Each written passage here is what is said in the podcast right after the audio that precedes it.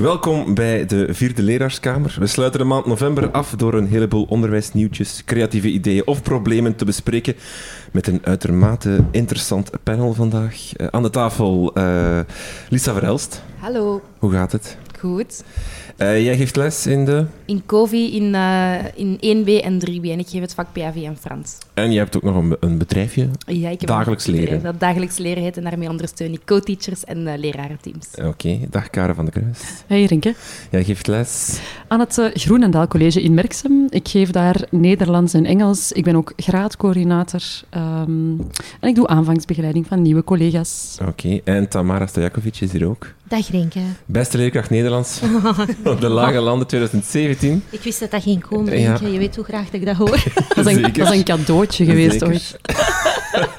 ja, maar in welke graad geef jij les? Uh, ik geef les in uh, het Atheneum van Merksem, dus ik ben de buurvrouw van Karen in de derde graad. Oké. Okay. Uh, een centrale vraag. Ik heb, ik heb het al stiekem doorgespeeld aan jullie, dus jullie hebben al een beetje tijd gehad om, om, om het voor te bereiden. Maar uh, welke les was de beste les van het jaar voorlopig en waarom? Wel, ik... Um, je had de vraag al doorgespeeld, dus ik heb erover kunnen nadenken. Ik weet niet of dat een goede zaak was. um, ik moest daarover nadenken. Ik, ik, heb heel, ik heb eigenlijk heel fijne klassen dit jaar. En um, eigenlijk heb ik de voorbije maanden heel vaak dat gevoel gehad van wow, dit was nu echt een super fijne les. En als ik er dan nu op terugdenk, dan denk ik... Ja, eigenlijk, het was oké, maar zo uitmuntend of zo um, was dat misschien allemaal niet. Uh, de meeste voldoening kreeg ik uh, uit de lessen spreek- en schrijfvaardigheid met mijn uh, klas 5 Humane voor Nederlands. Um, omdat het een klas is die ontzettend open staat voor feedback. En dat ik ze eigenlijk al heel erg heb zien groeien en willen leren. Oké, super. Tamara? Um, ik vond dat een heel moeilijke vraag. Want, um, je stuurde direct terug toen ik het stuurde. Ja. Ik ben nooit tevreden. Ja, dat klonk misschien uh, een beetje hard op WhatsApp. Goh. Maar ik ben eigenlijk zelden echt tevreden, tevreden. Maar ik denk niet dat dat op zich een slechte zaak is. Allee. Dat is wel grappig, uh, want we, hebben, ja. we hadden het al besproken. Ik heb eigenlijk heel vaak na een les... Ik kan zo heel veel voldoening krijgen uit van die heel kleine dingen. Zo, ja, maar ik ook. Één, en dan ik, heb ik een beetje bijna euforisch gevoel na een les. En dan nadien zwakt dat zo af naar het realisme. En Tamara heeft volgens mij net het omgekeerd. Ja, ik heb dus blijkbaar net het omgekeerde. Ah, maar ik denk dat de beste lessen, allez, in mijn geval, dan vooral de lessen zijn die niet zo volgens plan verlopen, zal ik maar zeggen. Uh, of goh, als de leerlingen echt een bepaalde klik krijgen, hè, je werkt ergens meestal heel erg lang naartoe, en van het moment dat die leerlingen een bepaalde klik krijgen, je hoort dat soms ook klikken, bij wijze van spreken, um, dan zijn dat voor mij de beste lessen. Of ja, als het, uh, vorige week ging het plots over, over welzijn en zo, want uh, het is nogal een stressvolle periode momenteel voor leerlingen. Het zijn bijna examens en mm. zo. Uh, en dan laat ik de boel gewoon de boel. Dan laat ik het ook gewoon los en dan babbelen we daarover. Ik vind dat eigenlijk nog de beste lessen. Dat is mm -hmm. misschien inhoudelijk niet... Uh, zijn dat misschien niet de beste lessen, maar dan ga ik wel... Uh, dan stap ik op mijn fiets en dan heb ik echt het gevoel van... Ah, wel, dat was nu eens goed. Ja. Voilà. Oké, okay, zeer leuk. Lisa? Um, ik heb ook niet echt een uh, concrete les in gedachten, maar ik, uh, ik geef aan een bepaalde klas Frans alleen maar op vrijdagnamiddag. En die zijn echt heel moeilijk. Dat is een heel moeilijke klas, een heel luidruchtige klas. En ik heb ze um, een paar weken geleden beslist om uh, elke les te beginnen met een beetje yoga en meditatie. Ah. Wat dat heel fluffy klinkt, maar dat is, dat is heel, heel eenvoudig. Ik laat die gewoon zo wat je ogen toe doen en ademhalen. En français? ja, ja, ja, want dan gaat dat ook over lichaamsdelen. Hè. En leg je, leg je handen op je knieën en zo. Um, en dat is wel grappig, want dat werkt dus echt. Maar dat, dat duurt één minuut of zo. Hè. Okay. Maar dan zijn die wel zo even oef, rustig. Zeer leuk. Oké. Okay. Goed, laten we erin vliegen. We beginnen op de, op de boekenbeurs. Karen, jij bent naar de boekenbeurs getrokken. Ja. En je hebt daar uh, een, een boek gevonden? Wel ja, uh, ik lees nogal graag. En uh, eigenlijk had ik uh, via een collega vernomen dat, dat er een nieuw boek zou uitkomen eind oktober ook op het moment dat eigenlijk de boekenbeurs van start ging. Mm-hmm. En dat is het boek Nieuwe Autoriteit, Verbindend Gezag voor het Onderwijs van Haim Omer. Uh, misschien dat vele luisteraars al zijn naam al wel eens hebben horen vallen. Uh, hij heeft nu... Nee, nee. Nee, nog nee ik ook eerlijk gezegd nog niet. Er wordt geknikt en er wordt nee geschud aan tafel. Goh, ik zal gewoon even een klein beetje voordragen dan okay. wat er op de achterzijde staat. Er staat... Gezag is in deze tijden geen vansprekendheid meer. Er is vandaag veel aandacht voor een positieve relatie met leerlingen. Maar wat te doen als kinderen of jongeren zich misdragen? Hoe streng mag je nog zijn? Mag er nog gestraft worden? Binnen één school leven vaak heel uiteenlopende antwoorden op deze vragen. Het gevolg is twijfel en onmacht. En dan komt natuurlijk de oplossing. nee, het is een, een boek dat echt inspeelt op iets wat ik denk dat wij allemaal wel herkennen. Het idee van de leerkracht ja, die de autoriteit, het gezag moet zoeken in de klas. Ehm, er staan in het boek heel veel voorbeelden van situaties die voor mij al sinds heel herkenbaar zijn. En het fijne nieuws is dat wij op school een, eh, een eh, workshop gaan doen rond, op het einde van het schooljaar nascholing, rond nieuwe autoriteit en verbindend gezag. En ik kijk daar heel erg naar uit. En dit boek is voor mij een beetje de voorbereiding uh, in dat traject. Jij gaat die geven? Of gaat nee, nee, ik ga die volgen, volgen. Ik voel mij helemaal geen... Ik heb al wel... Um, we hebben een aantal collega's die hier zeer... Um, Um, veel expertise in hebben. En dus via hen pik ik daar wel dingen uit op. En de dingen die ik oppik van hen zijn voor mij wel heel. Um, ja, op een bepaalde manier zelfs bevrijdend. Ik vind het een heel fijne gedachtegoed om, om mee bezig te zijn, om, om inspiratie uit op te doen en vooral rust in te vinden. Mhm. Want ik denk dat we vaak zo druk bezig zijn en, en ons zo erg opboeien in bepaalde situaties, dat het belangrijk is om eens te kijken. En ik, ik wil even gewoon... Ja, het is een boek dat met een aantal... Um, het is een aantal hoofdstukken opgedeeld, maar het gaat bijvoorbeeld over hoe benader je ouders... Um, hoe ga je om met ouders die overtuigd zijn dat, hun, dat de school hun kind viseert? Moeilijke oudercontacten. Mm wanneer leraren vernederd worden voor de hele klas. Mhm. Dat zijn dingen waar we wel eens um, mee te maken uh, krijgen. Uh, als ik hulp vraag, is dat een teken van zwakte. En eigenlijk gaat het telkens in en, en probeert eigenlijk stil te staan bij verbinding, denk ik. Verbinding maken met leerlingen, met ouders. En eigenlijk uh, ja, nadenken over communicatie. En het is, uh, ja, dus ik ben er nu in bezig en ik kijk heel erg uit naar die uh, nascholing. Ik zou mm. zeggen... Uh, Oké, okay, nu wil je dat boek ook wel lezen. Hè? Ik denk dat het zeker herkenbaar is hè, voor iedereen. Hè? Ja, wat ik er heel interessant aan vind, want dat is eigenlijk een uh, psycholoog of een pedagoog die, die vooral met gezinnen bezig is, -hmm. is het hele idee dat autoriteit niet per se iets is dat je dat je hebt gewoon door, door je naam, maar dat is echt, dat is echt een mm. samenwerking. Dat is echt mhm. iets dat je samen doet. En er zijn zo'n paar dingen daarin, dat, um, ik heb het ook niet gelezen hoor, maar die mij heel interessant lijken. Namelijk, je, je hebt zo de, de, het oude gezag, namelijk ik ben de meester of ik ben de mhm. juf. Dus als ik iets zeg, dan is het zo en dan moet iedereen luisteren.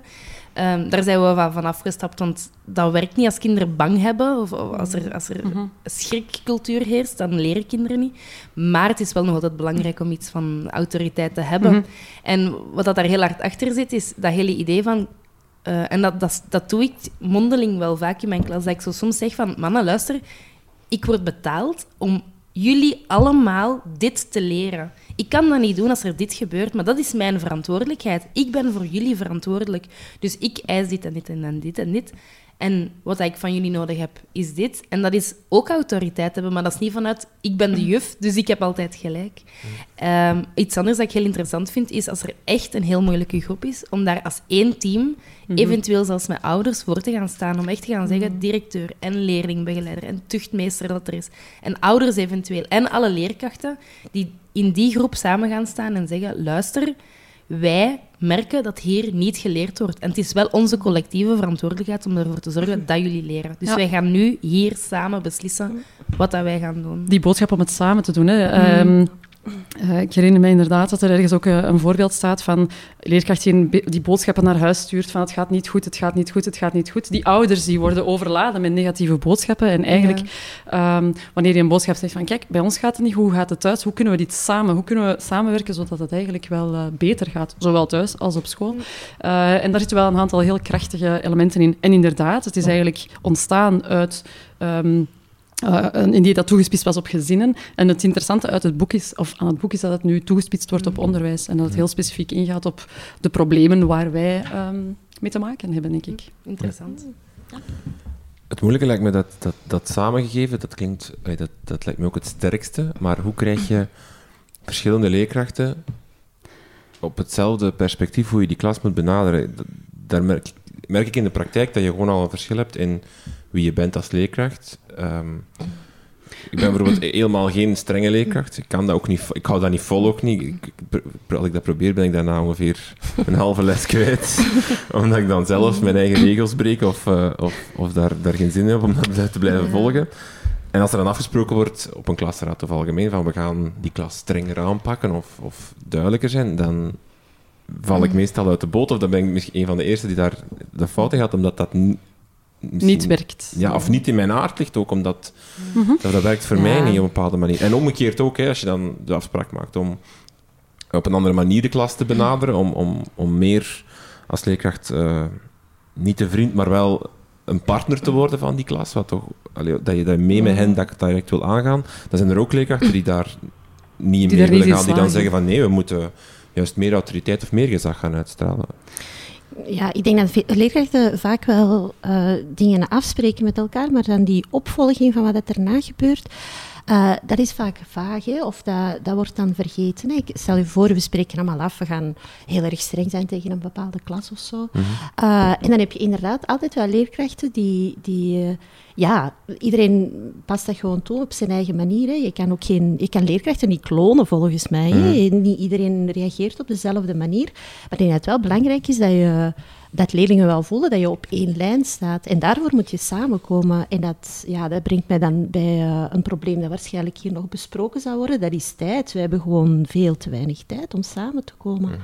Om dat te bespreken. Maar ik begrijp wel wat je bedoelt. Ja, het is niet Dat, de ene eh, slecht of de andere goed. hè. Het, nee, is, het is gewoon van, je bent wie je bent als leerkracht. ehm, Ja, En- ik denk dat het niet noodzakelijk ingaat tegen de eigenheid van de leerkracht. Ja, nee. Ehm, ik denk net dat het belangrijk is dat een leer- leerling voelt van dat is het doel dat we hier voor ogen hebben. En als het dan al gaat om streng zijn voor een klas, dan denk ik al, ja, waar- waarom... bedoel, je bent streng voor een klas, je wil dat er rust is of dat het leerklimaat verbetert, maar dat is al iets anders dan we gaan gewoon streng zijn met die klas, bijvoorbeeld. ja. Ik kan me inbeelden dat jouw doel ook is dat er een goed leerklimaat is, maar dat je het misschien op een andere manier gaat benaderen. Eigenlijk Dus ik- ik, de doelen, we moeten hetzelfde doel hebben, maar de manier hoe dat we dat doel bereiken, hoeft niet per se hetzelfde of net te zijn. het omgekeerde. Ik ging eigenlijk net het omgekeerde zeggen. Waarom, wat betekent dat? We gaan strenger zijn met die klas en we gaan die, we gaan die duidelijker aanspreken. Wat betekent dat? Ja, inderdaad, dat wordt ook heel vaak niet Ja. duidelijk omschreven. Hè. En iedereen geeft daar dan zo zijn eigen Ja. aanvulling. Dus ik vind het eigenlijk Dus, wel krachtig ja, zo, om op dat moment ja. met de, met de hele groep samen te zitten en te zeggen, wat is, wat is het probleem in die Mhm. klas? Is dat dat die altijd onder elkaar praten en niet bezig zijn met de les? Mhm. Wat is er dan mis met te zeggen? Super ouderwets, hè? Maar één week lang gaan die allemaal apart zitten op vaste plaatsen in elke klas. Eén week lang. En dan evalueren we dat opnieuw. Maar zou jij dat niet kunnen, Rinke, zoiets? Eh, jawel, maar ja, maar het gaat bijvoorbeeld, ja, dat is, nu, dat, dat is nu een heel praktisch voorbeeld. Dat doe je één keer en daarna zitten ze zo. Maar het gaat bijvoorbeeld over. eh, heel belachelijk voorbeeld, maar eh, ik heb een, een klas in de Beestrom en daar is echt het probleem dat die elke minuut van de les willen die naar het toilet.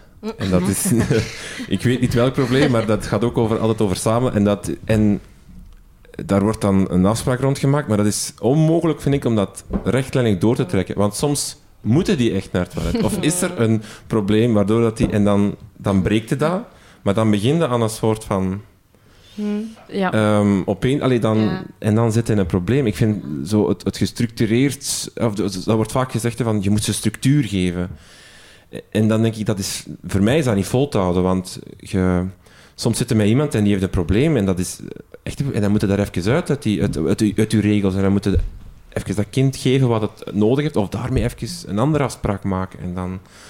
Maar ik denk Ja. dat structuur, flexibiliteit ook gewoon niet altijd uitsluit. Nee. Nee. Het is niet, structuur is niet voor mij altijd hetzelfde en het moet zo en dat is het.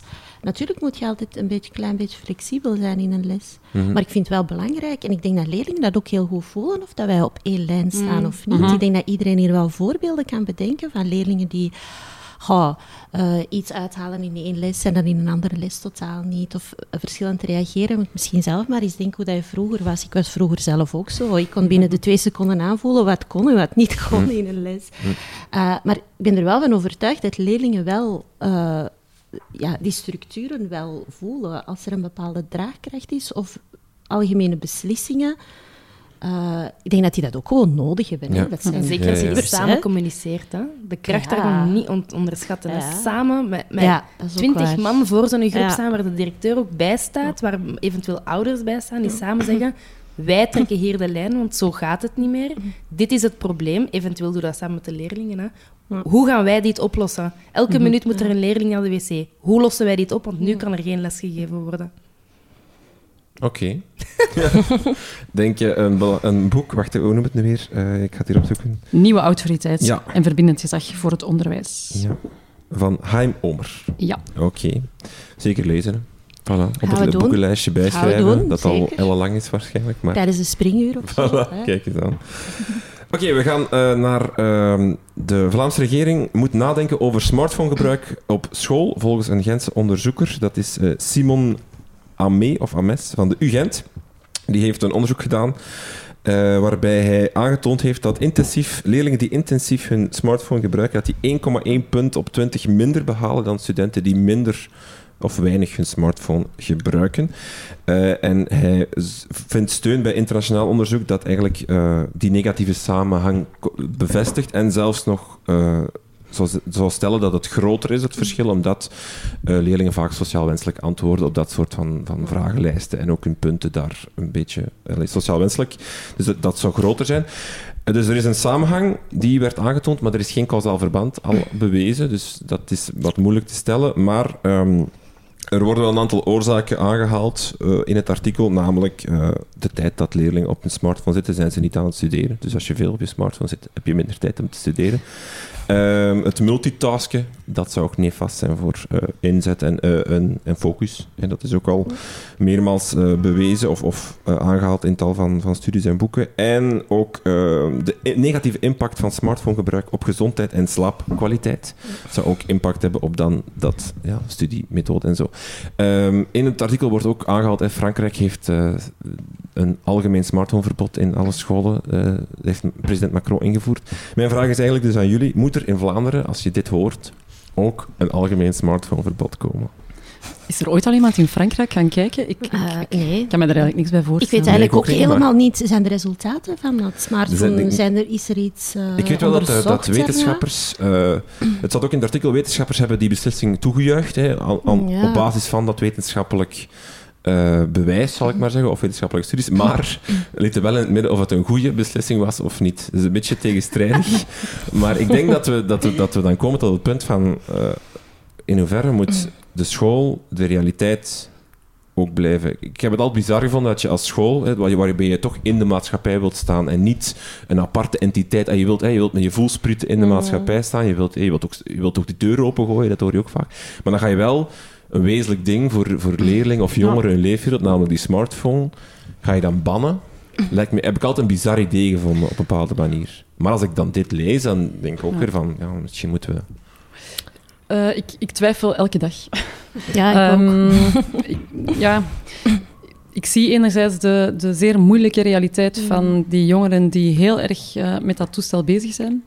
En anderzijds ook gewoon het feit dat het in ons dagelijks leven de realiteit is. Mm -hmm. Toen je het uh, inleidde, moest ik denken aan, um, aan een ander onderzoek dat ik denk ik via Paul Kirchner um, al een hele tijd geleden um, waar we al een hele tijd geleden over gehoord hadden, waar, eigenlijk, uh, waar, waar Paul eigenlijk zegt dat uh, leerlingen eigenlijk als ze studeren met hun telefoon, dus als ze gaan multitasken en, en tijdens het studeren hun telefoon in de buurt hebben, dat ze dan eigenlijk maar evenveel tijd studeren als wanneer ze dat niet zouden doen. En dat ze dus eigenlijk gewoon ook minder tijd studeren, terwijl ze zich daar eigenlijk helemaal niet zo van bewust zijn. Mm -hmm. Dus dat is wel iets wat ik in de klas heel vaak um, aanreik en ook die vragen aan geef van kijk, wees je er bewust van dat als je gaat studeren en je hebt die telefoon in de buurt liggen, je gaat niet langer studeren omdat je weet dat je afgeleid bent geweest. Dus je studeert minder, ja, dan is het ook niet zo abnormaal dat je minder scoort, uh, lijkt mij.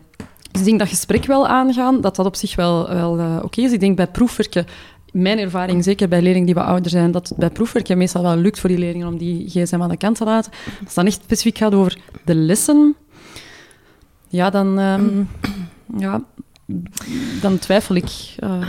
Ja, ik, uh, ik twijfel ook. Ik ben zelf nogal een digitale, dus uh, bedoel, qua ban, ik vind dat, ik vind dat waanzin, hè, om mhm. dat gewoon te bannen. Want wat leren die leerlingen, wat leren die leerlingen daar eigenlijk uit? Hè?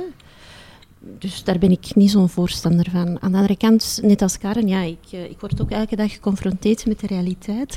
Um, een stom voorbeeld. Uh, wij hebben echt moeten vechten vorig jaar tegen oortjesgebruik. Ja, je mag dat niet meer in de gangen. Uh, en nu zou je denken, oké, oortjes in de gangen, who cares? maar die leerlingen hoorden ook gewoon niks. Dus als je die aansprak, die, ja, die zitten ook gewoon in hun eigen wereld. We, we merken soms ook dat, dat leerlingen ook minder met elkaar praten gewoon hè, op de mhm. speelplaats. Dus uh, nu mag het wel op de, op de speelplaats, maar niet in de gebouwen zelf. Dus hè, we zijn voor een soort van 50-50 uh, regeling gegaan. Uh, ik denk dat onderwijs daar gewoon een heel belangrijke taak in heeft. En ondanks dat daar les over wordt gegeven en zo, merk ik dat het toch nog niet voldoende is.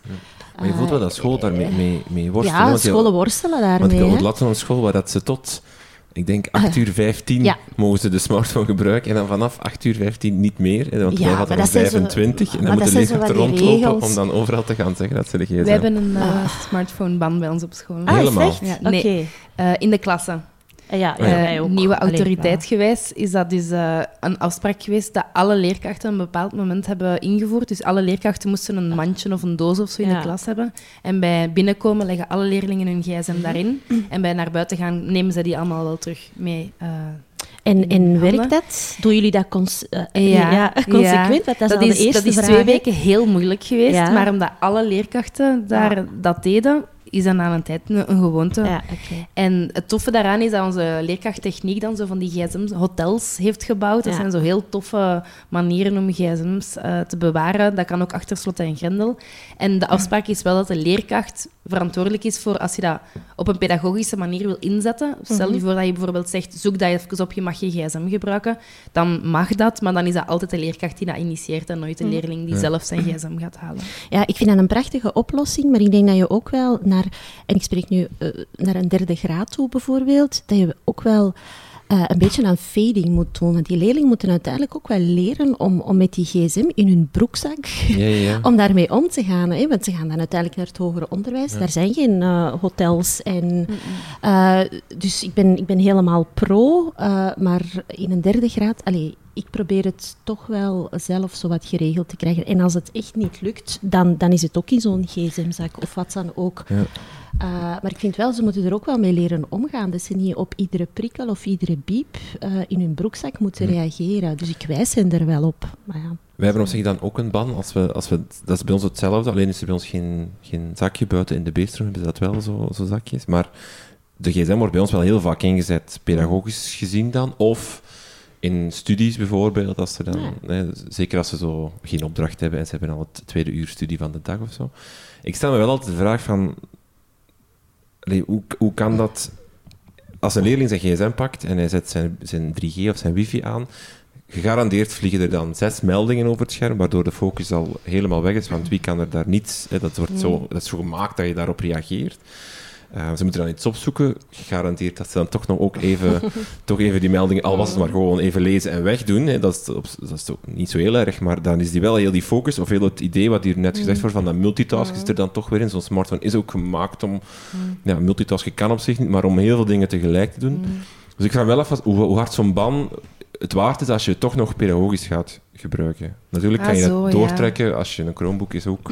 Ja. Dan kan je ook veel dingen tegelijk doen. Of, ja, wij hebben bijvoorbeeld geen papieren agenda. Mhm. Dus ehm, heel wat klassen zijn zwerfklassen. Die moeten eigenlijk elk lesuur hun weg vinden in het gebouw, vaak lokaalwissels en zo verder. Dus eigenlijk ehm, zijn leerlingen vaak aangewezen op hun Smart School app om dat te bekijken. En dan, ja, dan wordt het al moeilijk, hè. Want, Wij hebben dat net terug ingevoerd, de papieren agenda. Want wij hadden ook zo van die zwerfklassen. Allee, ik weet niet hè, in welke context, maar hè, leerlingen, hun excuus was heel vaak... Ja, maar ik moet het eventjes opzoeken, ik moet eventjes weten Ja, waar waar ik naartoe moet, moet. ja. En ja, op zich kan je daar niet veel op tegen hebben natuurlijk. Hè. Als die leerlingen niet weten waar ze moeten zijn. Nu natuurlijk, als het februari is, en ze weten altijd niet waar ze moeten zijn. Maar goed.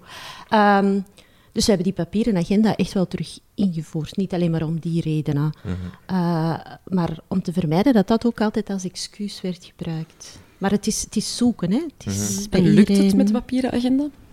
Ja, dat is geen wondermiddel natuurlijk. Hè. Een papieren agenda kan je ook niet invullen en eh, verliezen en wat dan ook. Vergeten. En vergeten. Maar we hebben ook die digitale agenda. Dus het is een beetje de, de- ja, we gebruiken een beetje de twee systemen. De ja, herinvoering van de papieren agenda is er vooral gekomen eh, omdat wij vonden dat eh, leerlingen niet meer actief bezig waren met hun planningen. Want wij voeren alles in in die smart school agenda. Dan word je eigenlijk een soort van passieve ontvanger van je eigen planning. En wij merkten dat leerlingen, vooral leerlingen in een tweede en derde graad, die zouden toch al moeten leren plannen, eh, ja, dat dat gewoon niet lukte. Er was ook wat misbruik bij collega's, dat komt soms ook wel eens voor. Hè, van collega's die s'avonds laat nog snel snel een huistaak opgeven of zo. Dat is natuurlijk technologie. eh, Houdt die risico's een, ook ehm, in, hè? Ja. Ik wil een oproep lanceren naar Smart School. Ah, is het echt? Lieve vrienden van Smart School, Ja. zorg ervoor dat onze leerlingen kunnen plannen met Smart School. Ja, Ja. dat is inderdaad echt wel... Planningstoel. eh, ja. Ja. ja. Ja, gewoon alleen de taken en de testen kunnen afvinken. Ja. Mm. Hoe moeilijk kan het zijn? Wie weet luisteren ze en wordt de oproep uh, aangehoord. Kadert de hele discussie niet eigenlijk in een groot probleem en die verder te trekken is dan onderwijs of zelfs gewoon leerlingen, namelijk dus de gigantische smartphone-verslaving. Ja, waar tuurlijk. Ja. Waarschijnlijk Ja. hier aan de tafel, en ik, zal mezelf, ik reken mezelf daar zeker bij. Absoluut, ik ook. eh, We zijn ehm, allemaal verslaafd.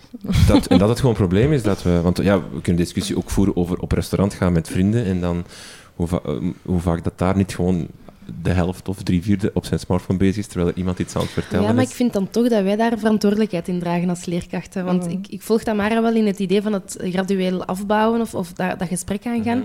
Maar dan komt weer die prefrontale cortex naar boven. Onze leerlingen zijn nu eenmaal nog niet, die hun hersenen zijn nog niet helemaal ontwikkeld om op elke prikkel nee te kunnen zeggen.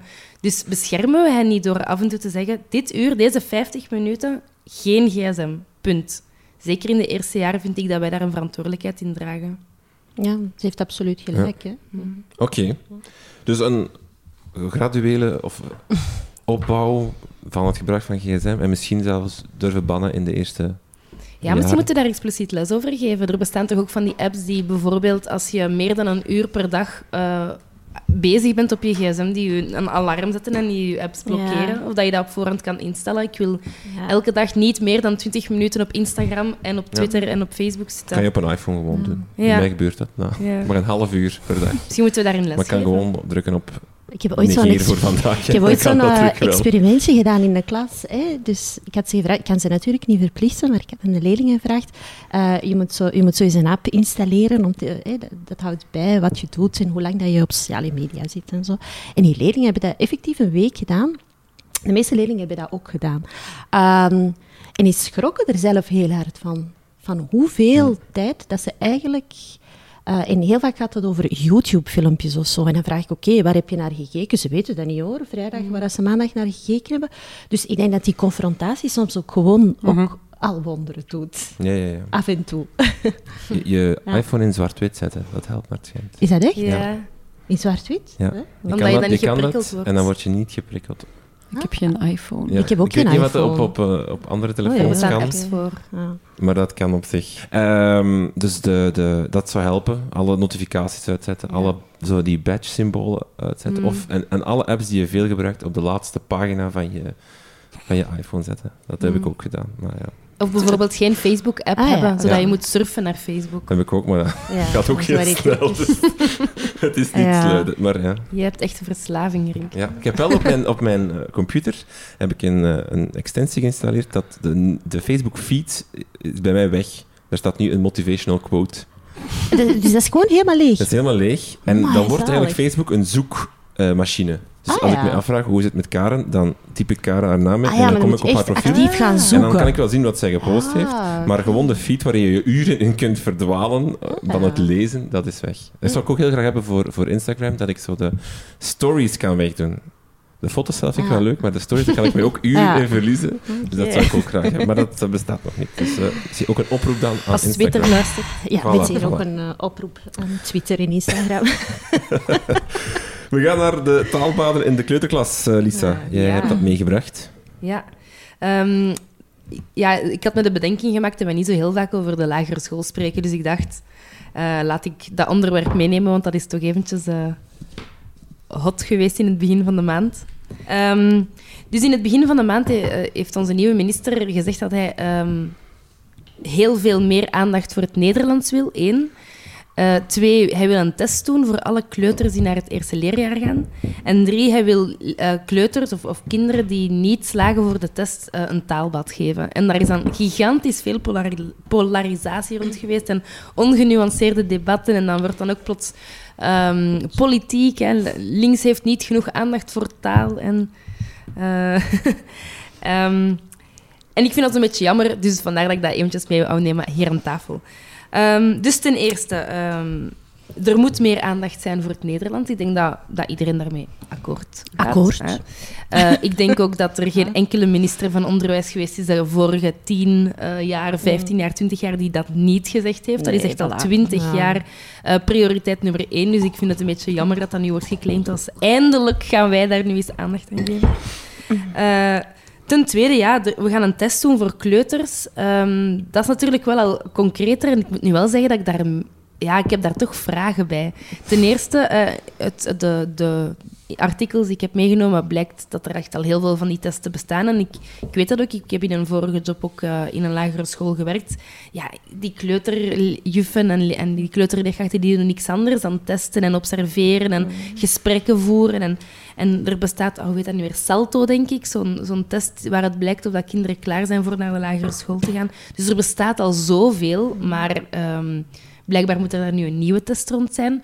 En ja, de, de taalvaardigheid van kleuters is heel grillig. Hè? Dat is heel moeilijk om te zeggen. Nu gaan wij vandaag een test doen met kleutertjes om te zien hoe hun taalvaardigheid is. Ja, ik kan me inbeelden dat, dat als je dat een week later doet, dat dat een totaal ander zicht geeft. ehm, afhankelijk van of het die kleuter goed geslapen heeft of Ja. niet, of goed gezind is of Er zin in heeft. Ja, voilà. Ja. Ehm, dus ja, eh, in principe heb ik denk ik niks tegen het feit dat we misschien een beginsituatie moeten hebben van de kinderen die naar het eerste leerjaar gaan en dat dat misschien via een test kan, geen probleem. Maar dan dat taalbad, hè. Ehm, Weet eigenlijk iemand wat dat is? ik denk niet Ik, dat hij het zelf echt al weet, want de vraag is, is dat, is dat dan een uurtje per week? Ja, ik weet Ja. het. Ja. Is dat één jaar lang? Is dat, eh, is dat iets dat we een paar maanden gaan doen? En ook wie organiseert dat? Wie Ja. gaat daar lesgeven? We Ja. hebben al zo'n groot lerarentekort. Het is allemaal... Ik heb net als jij helemaal geen probleem met dat concept, maar het is allemaal zo vaag. En ik heb de indruk dat er eh, ja, de laatste eh, weken, maanden, vooral in een, in, ja, in een heel snel tempo, heel veel wordt afgevuurd. Maar dan zo, als je gaat doorlezen of je denkt na van, ja, maar hoe zit dat nu eigenlijk met die taalbaden? Dan weet eigenlijk niemand het echt. Want ze weten het zelf. Ik zal even de minister eh, eh, citeren. Ja, doe dat. Eh, op basis daarvan, van die test dus, nemen we gepaste maatregelen, zoals een taalbad van een jaar waar nodig. Structurele screening en opvolging. Je neemt misschien een jaar af van een kind met zo'n verplicht taalbad, maar je geeft ze wel een leven. Ah, dat is, dat is, ja, dat is prachtig. Kijk, maar dan je daar blijkt... niet tegen zijn? Ik ben daar helemaal niet tegen, maar ik heb toch nog eh 1380 praktische vragen. Hoor. Eh, Er was veel, veel kritiek op, hè, want je hebt Ja. artikel meegewerkt uit KNAK, waarin eh, onder meer Piet van Avermaat, hoofd van het steunpunt diversiteit en leren van de UGent, die zei eigenlijk heel simpel dat ehm, leerlingen uit een taalrijke omgeving halen en dus in zo'n taalbad Mhm. zetten, wat een minder taalrijke omgeving is, want ze zitten taalzwakken samen, zorgt er gewoon voor dat eh, dat, dat taalniveau niet omhoog gaat of die ongelijkheid zelfs vergroot. Mhm. En zo gaat het verder. Ook de OESO, toch geen, ook geen Ja. kleine organisatie, is, is geen voorstander, want het is eigenlijk de, de pull-out eh, benadering. ja. Ehm, eh, waar ook al, al tal van, van studies van zijn. Die zijn ook weinig effectief. Eh, in 2016 werd het onttaalonderwijs in Vlaanderen ook al op een kritische manier geëvalueerd. Mhm. Kortom, weinig Ja. voorstanders vanuit de experten en vanuit het wetenschappelijk Ik milieu. ben, ik ben geen expert, maar ik heb zelf wel dat ook aangegeven, meegemaakt. Enfin, in mijn tijd bestond dat niet. Dat had zelfs geen naam. Uh, maar ik herinner mij wel, het eerste jaar in België kon ik uh, in juni meer Turks uh, en Arabisch dan Nederlands, Hm. hoor. Je was dus elf, dat is... als ik... Ja, ik was Juist, elf, ja. maar ik bedoel, als je, als je leerlingen echt zo gaat splitsen, Ja. dan... Ik weet, ik maak mij echt wel zorgen om die effecten. En ook, hoe ga je dat bepalen? Waar trek je die grens? Uh, er zijn zoveel taalzwakke leerlingen, denk ik, in grote steden. Waar gaan we die, die lijn trekken? Wie is dan taalzwak? Want als ik naar mijn eigen leerlingen kijk, dan zou dat om, ik gok maar, 98% van de leerlingen gaan. Moeten we daar dan allemaal aparte klas, klassen voor organiseren? Uh, ik, vind, ik vind het een heel moeilijk gegeven. Het is, ja... Maar ik moet nu wel zeggen, in de voorbereiding hiervan uh, was ik wel aan het denken, misschien moeten we het nog niet afschieten. Want luister even, denk even mee na. Dus sowieso, stel dat er taalbaden komen, we weten nog niet hoe, maar er zullen toch middelen voor moeten, ge moeten gezocht worden. Want ja, ja. je moet toch een extra Hopelijk. leraar aanstellen. Mm-hmm. En je moet toch een extra, een extra voltijdse persoon. En hoe, hoe wordt dat dan beslist? Is dat als er één leerling is die taalzwak is, wordt er dan meteen voor die school een extra leraar aangeworven of niet? In ieder geval, er zullen toch middelen voor vrij moeten komen. En dan denk ik, ah, dat is misschien niet slecht. Als, als we dan toch de focus moeten leggen op Nederlands, wat dat denk ik wel nodig is, mm-hmm. en daar worden dan middelen voor uitgetrokken, misschien is dat dan niet slecht. En als ik aan het denken, stel dat de minister zou zeggen, we doen dat, maar die taalbadleraar of die school heeft wel mee inspraak in hoe dat je dat dan concreet gaat invullen op jouw school. En VIA heeft altijd gezegd de leraar centraal. Dus misschien moeten wij meer inspraak hebben in, in, in het beleid hoe we dat dan concreet gaan doen op school. En ik zie eigenlijk niks mis met extra steun voor de juf of de, of de meester van het eerste leerjaar. Dat zijn de helden van ons onderwijs. Hè. Het eerste leerjaar, ik doe ze het er echt niet Ja. na. Hè. Dat gaat echt over die kinderen leren lezen, leren Ja. schrijven. Dat is echt niet gemakkelijk. Hè. En daar zitten zo'n grote niveauverschillen. Dus wat als je echt gewoon een parallelleerkracht hebt die bijvoorbeeld af en toe die leerlingen meeneemt en dat die bijvoorbeeld aan pre-teaching doet. Dus bijvoorbeeld die geeft al wat les op voorhand over een aantal woordenschataspecten die daarna terugkomen in de WO-lessen. Of die neemt een groepje apart als het gaat over spelling enzovoort.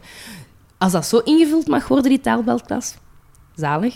Ja, in dat geval ben ik ook voorstander, maar ik zeg het, ik zit vooral gewoon met heel veel vragen op dit moment. Dus het zal allemaal het, eh, afhangen van de uitwerking, hè. dat is altijd Ja, zo ja, ja. in het onderwijs. Ik denk eh, vanuit mijn achtergrond als taalkundige. Dat, eh, soms denk ik van, er zijn nog zoveel dingen die je zou kunnen doen die eigenlijk waar alle leerlingen baat bij hebben. Ik denk maar iets heel, heel eenvoudigs, bijvoorbeeld smog introduceren, spreken met ondersteuning van gebaren. Waarom gaan we in een kleuterklas geen smog aanbieden? Zeker in kleuterklassen waar heel veel ehm anderstalige eh, leerlingen zitten, omdat dat eigenlijk een ondersteuning is van je Nederlands. Je gaat veel, meer of veel gerichter tot communicatie komen en eigenlijk die leer- leerlingen veel meer zekerheid geven. En dus hou vast om eigenlijk die taal te leren. Ehm, dat is redelijk kostenneutraal, om maar iets te zeggen. En ik denk dat we daar eigenlijk wel ehm, op zouden kunnen inzetten. We gaan verder. Het zevende jaar na het ASO, Tamara. Dat is jou opgevallen de voorbije maand. Ehm, Ja, dat is was, ook een voorstel ehm, dat in, eigenlijk in diezelfde ja, startnota van, Ja. van onze minister stond. Eh, het bestaat al bij het BSO en het TSO, want echt Mhm. heel nieuw is het niet. Maar het Nee. voorstel zou zijn om het te veralgemenen naar iedereen ISO. die het wil. Vooral de focus op ISO vond ik heel opvallend. Eh, nu, op zich, ik heb daar absoluut niks op tegen. Ik denk dat dat eh, zeker kansen kan bieden voor bepaalde leerlingen. Een soort van schakeljaar. Ja. Maar aan de andere kant vraag ik me dan ook wel af... Waar loopt het dan mis in dat ASO? Mhm. Want uiteindelijk, zes jaar ASO zou toch wel voldoende moeten zijn, want daar dient het voor. Dat is mijn grootste bedenking. Eh, ja. dus eh, het, is, het is weer een dubbele, maar op zich heb ik daar niks op tegen. Ja, ik zie ook de twee kanten eigenlijk. Ehm, enerzijds, ik heb in het hoger onderwijs gewerkt. Ik heb daar eigenlijk de flexibilisering van het hoger onderwijs meegemaakt, die er eigenlijk toe geleid heeft dat eh, de studieduur, de gemiddelde studieduur, alleen maar langer is geworden. Hè. Ehm, daar is iedereen het over eens dat die flexibilisering dat eigenlijk in de hand heeft gewerkt, om verschillende redenen. Ehm, dus daar, ik maak me wel zorgen inderdaad. Enerzijds om, één, waarom krijgen we die leerlingen op zes jaar niet voorbereid? Eh, en twee, ja, als we dat gaan aanbieden, gaat het dan er niet voor zorgen dat te veel leerlingen die daar eigenlijk misschien geen nood, voor, Mm. nood aan hebben. Ik, ik heb soms het gevoel van, ja, als je dat zou aanbieden, dat er mijn onzekere leerlingen, die eigenlijk best sterk zijn, die zouden dan misschien denken, ja, misschien moet ik toch nog een zeven jaar gaan doen, voor ik klaar ben of zo. Ja. Ja. Ik- in de praktijk zie ik gewoon een aantal ehm, grote problemen op, op dat vlak. Anderzijds denk ik wel ehm, dat er wel zoiets is als een laadbloeier. Ik bedoel, Lisa heeft het al aangehaald. We hebben echt wel wat leerlingen die naar cognitieve ontwikkeling toe eh, best wel wat ehm, trager op schema zitten dan, dan die sterke presteerders. Ehm, en dus is het misschien wel inderdaad zinvol om daarover na te denken hoe we die leerlingen specifiek, ehm, eh, of hoe we op, kunnen inspelen op hun onderwijsnoden. En dan denk ik heel specifiek aan die leerlingen die heel slecht zijn in organiseren, in plannen en, en eigenlijk ook nog niet echt de behoefte hebben aan een cognitieve uitdaging die dan hoort bij een hoge graad, eh, derde graad ASO, maar die dan misschien wel op iets eh, latere leeftijd hebben. Eh, je, je merkt in de sportwereld bijvoorbeeld een, een vergelijkbare discussie, hè, zowel in het voetbal als in het volleybal. Ik ben zelf actief in het volleybal. Is er eigenlijk een heel erge discussie naar, eh, rond selectie. Hè. Dus wat je ziet in, in volleybal bijvoorbeeld, is dat er op 12, 13-jarige leeftijd de grote spelers en de sterke spelers, die halen de ploeg. En zo de langere slungels en de wat, iets wat onhandigere kinderen, ja, die, die halen de sele- jeugdselectie niet. Hè. Ehm, maar dat worden wel de kerels van twee meter, bij wijze van spreken, die op latere leeftijd hè, tot eh, bloei komen. En in, in voetbal en in andere sporten heb je dat ook. En ik denk in de sportwereld dat men daar nu wel actief over begint na te denken. Dus als het gaat over fysieke ontwikkeling, dan staan we daar volgens mij al wel wat meer voor open. Van, ja, het kan zijn dat iemand pas fysiek later tot ontwikkeling komt. Iedereen kent zo die slungelachtige jongens die dan uiteindelijk toch grote, sterke mannen worden. Ja, maar maar in, ja, wanneer het gaat over cognitieve ontwikkeling, dan hebben we toch in ons hoofd denk ik nog altijd zoiets van het is iemand die het kan of iemand die het niet kan. Maar ik vond die toch- steun van, van het hoger onderwijs eh, vooral heel erg opvallend. Ja. Hè? Want er kwam heel veel steun hè, vanuit het hoger onderwijs van ja, doe dat alsjeblieft. Hè? Want we merken toch wel dat er een heel grote uitval is. Eh, ik geloof dat één op de drie eerstejaars aan de KU Leuven niet slaagt en zo van die zaken. Ehm, maar ik denk dat men ook wel echt wel kritisch moet gaan kijken naar die leerplannen, want er klopt duidelijk iets niet. Er is een, een immense kloof tussen het secundair onderwijs en hetgene wat het hoger onderwijs verwacht. En ik weet niet of een extra jaar dat zal oplossen. Ja, want het kaart wat jij verspreekt gaat eigenlijk over tijd. Die, die jongen of die, dat meisje heeft gewoon nog meer... Die moet ook nog opgroeien. Dus dat gaat on- voor mij voor een groot stuk toch gewoon over... Die moet een beetje ouder worden. Ja, en die moet op, de juiste, op het juiste moment, denk ik, de juiste Begeleiding. bagage krijgen. Ja. Allee, Maar, ja, ik, ik blijf het bizar vinden dat we, dat we... We spreken over... Ze studeren te lang. Dus we gaan een extra jaar Ja, ja. inlassen. Ja, ja, voilà. Dat is totaal me absurd. het verlengen om het te verlengen. Ik, ik denk, als, als, want het gaat ook heel veel geld kosten, denk ik. Mhm. Steek dat dan in een goede begeleiding, studiebegeleiding in de derde graad of in de tweede graad al, waarin hè, toch dan al wat keuzes Ja. gemaakt moeten worden. Of gewoon echt... En, want er, er is ook een artikel eh, op 14 Nieuws, een, een, een opiniestuk verschenen van eh, iemand met een fantastische naam, Henricus Cornelius Maarten Vrenken. Ah. Die, die, het stelt dat we het probleem eh, eigenlijk onder een andere mat vegen. En die toch heel kritisch kijkt naar bijvoorbeeld universiteiten, over die hun pedagogische aanpak soms, over Mhm.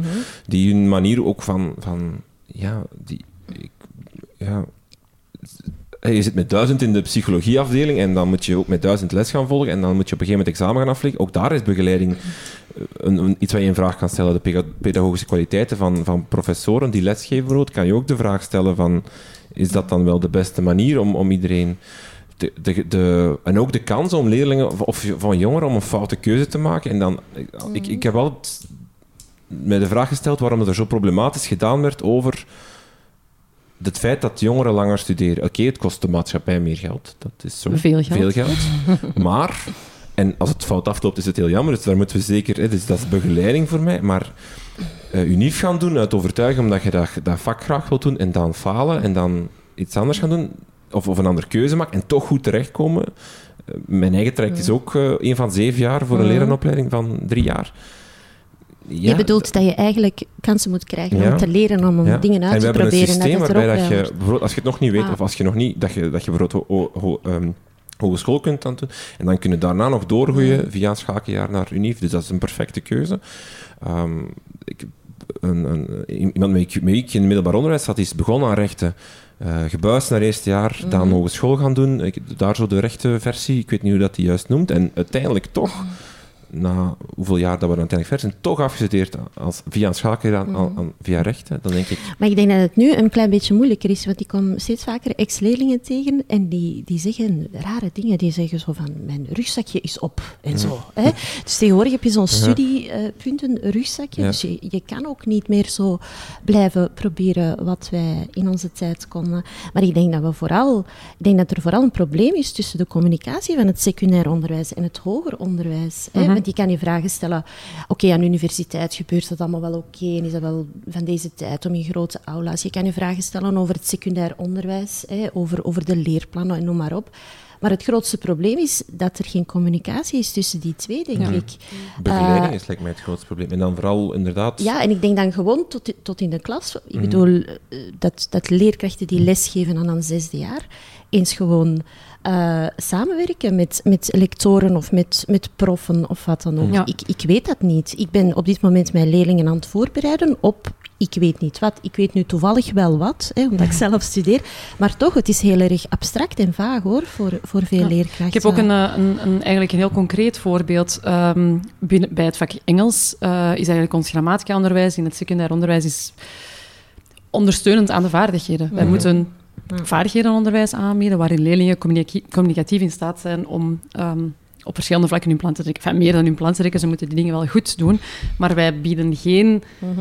strikt grammatica-onderwijs aan. Dat is ook, ik bedoel, we hebben ook meermaals de inspectie over de vloer gehad. Dat is ook echt vanuit de inspectie niet de bedoeling. Het staat heel duidelijk in de leerplannen. Dan gaan die leerlingen naar het hoger onderwijs, waar ze in een richting, ik zal maar zeggen de rechten, krijgen ze instaptoetsen Engels en Frans. Ja. En dat zijn dan op de computer multiple choice vragen Mhm. over voorzetsels, Ja. over eh, tij- tijden. Ehm, heel onpersoonlijk, eh, helemaal Mhm. niet gericht op eh, communicatie. En dan komen die leerlingen best wel eh, teleurgesteld als ze, maar een, dat ze maar een bepaald resultaat halen. En dan, ja, hoe kan dat nu dat ik dat maar een resultaat... Ja, je, Ja. je meet totaal verschillende dingen. En dan ga je oordelen dat hun taalvaardigheid... Dat wordt dan gezegd, de taalvaardigheid is niet oké, Ja. maar dat wordt dan via multiple choice vragen die behoorlijk kennisgericht zijn, Ja. gecheckt. Dus daar, daar zitten zoveel... Ja. ehm, nog... Ik heb, ik heb nog een klein voorbeeld om aan te vullen. Ik geef les in het TSO eh, en ik laat mijn leerlingen bijvoorbeeld een paper schrijven, maar dat staat niet in mijn leerplan. Hè? Dus ik bereik dat wel via verschillende leerdoelen, want dat is dan wel het voorde- voordeel van ons vak. Hè? Wij kunnen een beetje ons plan trekken. Eh, maar ik vind, dat, ik vind dat absurd dat het er niet in staat, want mijn leerlingen studeren ook verder. Meestal in hogescholen, een minderheid gaat naar de universiteit. Maar het eerste eh, dat die te horen krijgen na drie weken les is schrijf maar een paper. En die vallen uit de lucht. Dus er klopt echt iets niet eh, met... Nu, wij hebben zelf ook nooit een paper leren schrijven en ook moeten doen met vallen Ja. en opstaan. Dat is waar. Ja. Soms, ja, Ik zie het voorlopig niet, dat, Ja. dat extra jaar. Ja. eh, nee, dat, daar waren we mee begonnen. Hè. Ja, ja om even te- ik, ik zie het voorlopig Ja. niet. Ik vraag me ook af, hoe, hoe ga je dat dan doen? Dat is toch ook gewoon... Dat moet dan toch al op de universiteit bijvoorbeeld plaatsvinden dan? Of nee, op de, het, is, op de het, is net de bedoeling, denk ik, dat eh, de secundaire scholen dat organiseren. En dan zit Ja, je weer met moet- een ander dan- probleem. ja. Want ja, organiseer dat maar eens. En scholen verzuipen al in Mm. Ja, eh, het extra- organisatie ja. van van alles en nog wat. Maar dat dus... was ook opvallend. De koepels waren eigenlijk heel, eh, heel van... Leg eerst maar eens uit hoe dat, hoe dat je het gaat doen, meneer de minister. Ja, een beetje Ja. zoals wij, hè. enthousiast voor te worden, want dat zit in onze bakgas hè. ja. Maar, maar maar bijvoorbeeld als je zo'n ah, zo'n jaar doet en je wilt ze voorbereiden op, hè, want het gaat dan bijvoorbeeld over burgerlijk ingenieur bijvoorbeeld. Hè. Ja. Sommige leerlingen voelen zich niet klaar om wiskundig om dan... Mhm. Maar dan moet je toch al, al was het maar op de manier dat er op de NIF lesgegeven wordt, daar toch al bij gaan aanleunen. Ah ja, natuurlijk. Want anders, Anders heeft dan helemaal geen zin. Dus dan, Maar er bestaat toch al een voorbereidend jaar wiskunde? ja, ja. Ja, dat bestaat. Hè. Dus Er is ook zoiets als een naamloos jaar. Dat bestaat al, hoor. Dus, Misschien moet dat dualeren worden, dat is een van de jaren. Maar voor de helft al op de NIF gaan zitten. ja. Ja, inderdaad. Een ander ding, want, want dat, dat had je er straks aan, dat blijft mij ook altijd frappant, hoe eigenlijk onze zes secundaire jaren eigenlijk in de kern niets van elkaar verschillen. Namelijk, je hebt x aantal vakken, die je zit in een klas van 24, 20, eh, 18, soms een beetje meer of minder, af welke richting. Je hebt voor elk vak een leerkracht, je hebt examens op bijna altijd exact hetzelfde moment, namelijk december en juni. Je, hebt evenveel uren, de vrijheid verschilt niets, je moet overal aanwezig zijn. De manier van lesgeven eigenlijk ook niet vaak. Terwijl, en dan opeens die sprong, unief, opeens hè, honderden man in, in, de, in een aula of, of eh, eh, groepswerken waar je de mensen niet kent, totaal anders. Ik vraag me af waarom dat daar geen- niet meer graduele opbouw in zit. Nu, ik merk wel grote verschillen bij ons tussen een eerste graad en een derde graad. Het is natuurlijk inderdaad vrij schools allemaal. Bedoel, Mhm. Het is logisch, want we zijn een school. Eh, maar, maar qua vrijheid en, en manier van organisatie en inspraak, en denk ik toch wel dat er grote verschillen zijn. Het is natuurlijk inderdaad, je gaat niet met een onbekende een groepswerk moeten maken. Maar in de kern blijft het toch, het, toch hetzelfde. Want je kan bijvoorbeeld niet kiezen, ik ga niet ofwel naar die les, bijvoorbeeld. Of ik... Ik, ik, bijvoorbeeld, of, of ik, ik, ja, ik studeer thuis en ik, ik ga op dat moment in de bibliotheek zitten en studeren. Of, of die- zo met die vrijheid leren omgaan. Ja. Met, met, waarom geeft bijvoorbeeld geschiedenis in het zesde jaar niet gewoon aan alle, aan 100 leerlingen dosseren les? Dat is natuurlijk ook een praktisch probleem, ik begrijp dat. Maar dat zou op zich toch een heel goed idee zijn, denk ik. Dat, dat dan al eens bijvoorbeeld het, het, het massalesgeven al eens getoond wordt. Of, of gedaan wordt, dat je dat leert. Ik denk dat sommige scholen daar wel mee experimenteren. Mhm. hè. Nu niet wat jij misschien aanhaalt, maar er zijn wel... Allee, ik zie toch wel Ja, heel ja, veel tuurlijk, ja, ja. bewegen op dat vlak. Maar natuurlijk is het vast in een bepaalde structuur en je kan die structuur niet zomaar omgooien. Mhm. Er zijn ook duizenden praktische problemen. Ik denk maar aan, eh, aan mijn eigen school. Wij zitten met een groot leer, eh, lokale tekort. Hè. Dus als jij zo en masse eh, met 100 man, eh, aan 100 man geschiedenis wil geven, dan moet dat al een voorwaarde zijn. Hè. Dan moet je dat al hebben. En dan heb je ook nog de leerkrachten die je daar, daarin moet meetrekken. En we weten allemaal dat dat niet zo eh, eenvoudig is. Eh, verandering in de leraarskamer. dus, maar ik begrijp jouw punt. We zullen ja. zien wat eh, Ah. Ben Wijts ervan van maakt. hè. Van Ah, dat, ja. eh, Ja, want die luistert, hè. ja, we hopen dat Net zoals Twitter, die luistert naar Ah. Voilà. Het volgende is een artikel dat ik gelezen heb in NRC. Het was eigenlijk een interview met Herman van de Werfhorst. En dat gaat over, eh, in, dat is een Nederlander, en dat gaat over de brede brugklas. Dat in Nederland eh, nu eh, een beetje op gang maakt. Amsterdam, de stad Amsterdam geeft zelfs bonussen of, of geld voor scholen die dat organiseren. En een brede brugklas is eigenlijk te vergelijken met wat wij hier de brede eerste graad noemen en waar al ook al veel woorden over gesproken zijn. Die man, meneer Van der Werfhorst, prachtige naam toch? Prachtig. Die heeft eh, dat is deftig onderzocht. En, en het is eigenlijk een heel goed artikel, vind ik, omdat het ehm, zeer genuanceerd eh, uitlegt wat daar nu de voor- en de nadelen van zijn. Het uitgangspunt is dus eigenlijk dat je de selectie van, voor de leerling, hè, dus of dat die ASO, DSO, BSO of weet ik veel wat mag gaan doen, uitstelt, waardoor dat dus zwakkere leerlingen meer tijd krijgen om zich op te trekken aan de sterke leerling en zo eigenlijk kunnen groeien. We hebben het er eigenlijk al een beetje deels over gehad vandaag. Eh, die komen dan vaker op een hoger niveau, niveau terecht, dus goed voor de kansengelijkheid. Dat is de gedachte. Wat is nu de eh, conclusie van zijn onderzoek?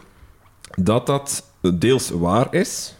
Dat klopt, inderdaad. Hij heeft dat onderzocht door eh, gegevens te, te analyseren uit 21 Europese landen die een selectiemoment hebben verlaat. Maar het neemt de selectie of de ongelijkheid niet helemaal weg. En, en dat is het addertje onder het gras, de ongelijkheid neemt ook af doordat het opleidingsniveau van de bevoordeelde, dus van de sterke leerling, daalt. Miniem, allee, niet zo heel veel, minder dan dat de, ehm, lage, de zwakkere leerling stijgt, maar het daalt wel. Wat moeten we nu met dat gegeven? En eigenlijk komen we tot misschien wel de soort van ethische vraag: is het dat waard? Maar stond er ook niet in het artikel dat het algemene onderwijsniveau steeg? Eh, dat zou kunnen, dat weet ik niet. Het is in ieder geval heel genuanceerd. Hè, want het gaat ook over bijvoorbeeld eh, of dat je het eh, met heel eh, je land doet, hè, een brede eerste graad, of als je dat niet doet, dat maakt al een groot verschil uit. Want als er nog andere scholen zijn die bijvoorbeeld nog in, in, dat niet doen, en geen brede eerste graad, dan ehm, ga je als ouder toch altijd het beste kiezen voor je, leer, voor je, voor je kind. Dus dan ga je bijvoorbeeld altijd kiezen waar dat je kind niet kan zakken. Dus dan ga je dat weer doorbreken, dus dat werkt dan niet. Het blijkt ook dat bijvoorbeeld mensen die onderwijs belangrijk vinden en hoog opgeleid zijn, bijvoorbeeld eh, rechters of advocaten, voor hen maakt het eigenlijk heel weinig uit, want die gaan altijd zorgen dat hun kind het beste Ja. haalt. Dus die gaan dan wel dat bijsturen. Ja. Maar voor managers die weinig tijd hebben voor hun kinderen, daar maakt dat wel voor uit. Die Ah, ja. kinderen, daar niveau Ja. daalt wel.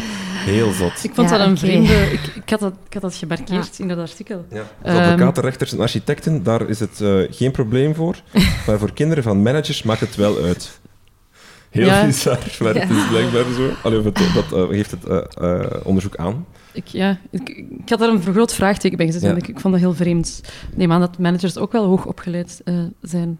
Ja, maar Die zijn gewoon te over... druk bezig, denk ik. Ja, dus, dus ja. ki- kinderen van, van advocaten, rechters en architecten, zij proberen hun kinderen altijd een voorsprong te geven, ongeacht het systeem. Ja. Dus ik denk dat die dan zeker eh, begeleiding voorzien of... of, of Ja, of zo. als je kijkt wat er nu in Nederland aan het gebeuren is met privéscholen, met Ja. de bijlesgeneratie.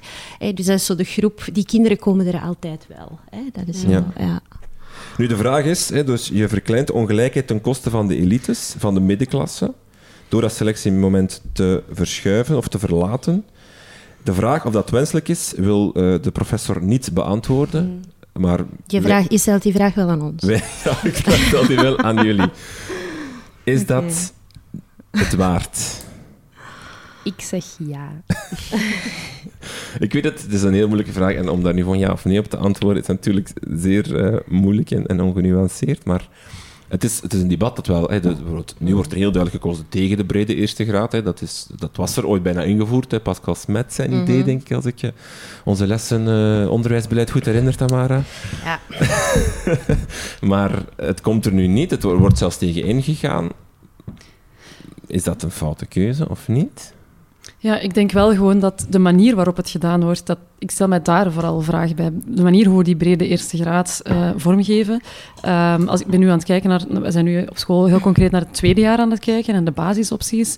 En dan krijg je heel vreemde dingen, want in die basisopties ga je eigenlijk leerlingen moeten laten kiezen tussen pakketten, waardoor die in een derde jaar gaan binnenstromen met verschillende voorkennis. En je maakt het eigenlijk gewoon ongelooflijk moeilijk voor scholen, voor ouders. Zeker bij ouders die eigenlijk zich helemaal niet goed kunnen inbeelden wat die keuzes allemaal ehm, met zich meebrengen. Want bij hoogopgeleide ouders eh, lukt dat meestal nog wel, maar het zijn die ouders van kwetsbare gezinnen waar dat heel moeilijk wordt.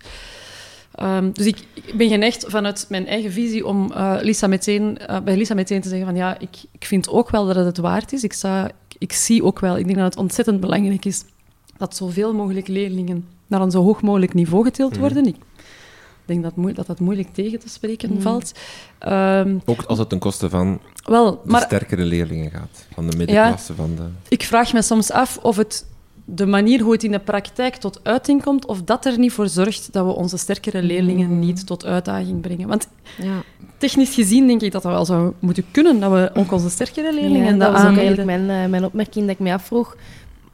Als je dat artikel dan leest, moet de conclusie dan zijn, doen we het dan wel of niet? Of moet de conclusie dan zijn, dus we doen het. En wat gaan we dan doen aan die Voilà. sterke leerlingen die Ja. blijkbaar eh, zakken in niveau? Dan moeten we die extra kunnen uitdagen. Ja. En ik denk dat daar, dat daar oplossingen voor te vinden zijn. Ja. Ja, dat denk ik ook. Maar eh, los van, van heel het gegeven, want ik ben zelf niet thuis in de eerste graad, dus ik volg dat zo van op een afstandje.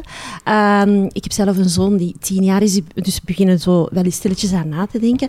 En ik heb eh, ik begin wel te merken hoe, ongelooflijk complex het is. En ik ben, ik, ben nog, ik ben thuis in de onderwijswereld. Hoe moet dat dan zijn voor mensen die, die, die nu hun kinderen naar een eerste middelbaar moeten sturen? Of neem nu vorig jaar in juni geen enkele school wist nog hoe of wat.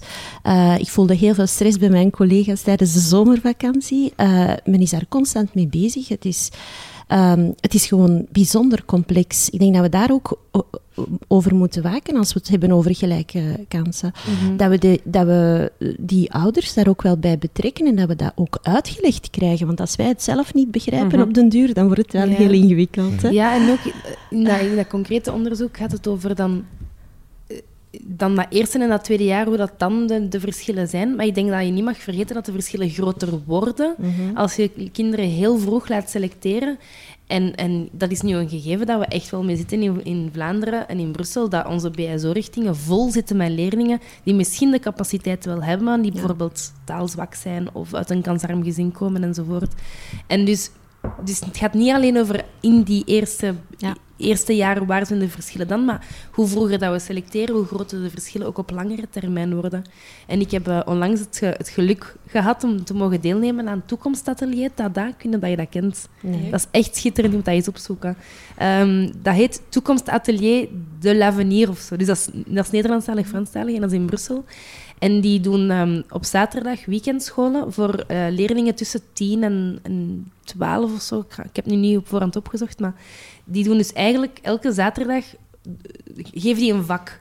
En een vak kan bijvoorbeeld, ehm, bijvoorbeeld de juridische wereld. En dan nodigen die vrijwillig advocaten en politiemensen en eh, iedereen die dan in die wereld werkt uit om dan workshops te doen met die kinderen.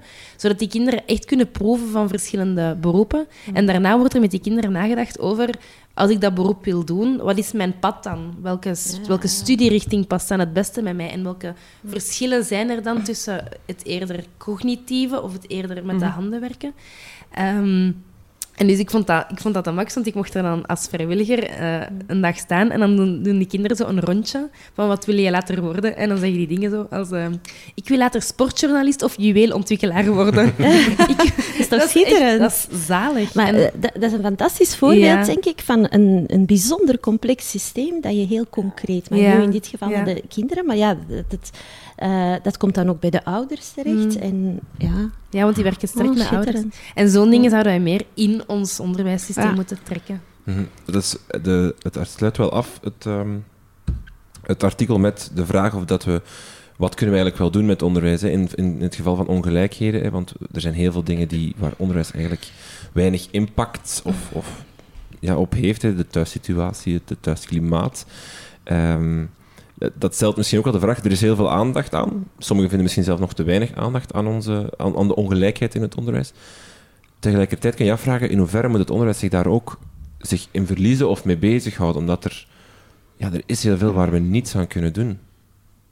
Nee, maar we kunnen wel ervoor zorgen dat we zoveel mogelijk drempels wegnemen. Dat denk ik dan. We gaan onze ouders... Ik denk niet dat het ooit de taak is van een leraar om een ouder op te voeden of anders naar onderwijs te laten kijken. Ik denk wel dat het de taak is van, van het onderwijs om die verschillen zo weinig mogelijk te laten doorcijpelen op de klasvloer, allee, in de klas, eh, in onze scholen. Dat denk ik wel. Het is een kerntaak van het onderwijs, hè, denk ik. Oké. Voilà. Ben Wijts nog even. De man is populair vandaag. Eh, hij wil meer inspecteurs met een uitgebreidere taak, Ah, ja. Ja, daar was wel wat over te... Hij wil, ehm, dat inspecteurs, hij wil meer inspecteurs aanwerven 7%. om de kwaliteit meer te Ah, ja. Verhogen. Ja, Ja.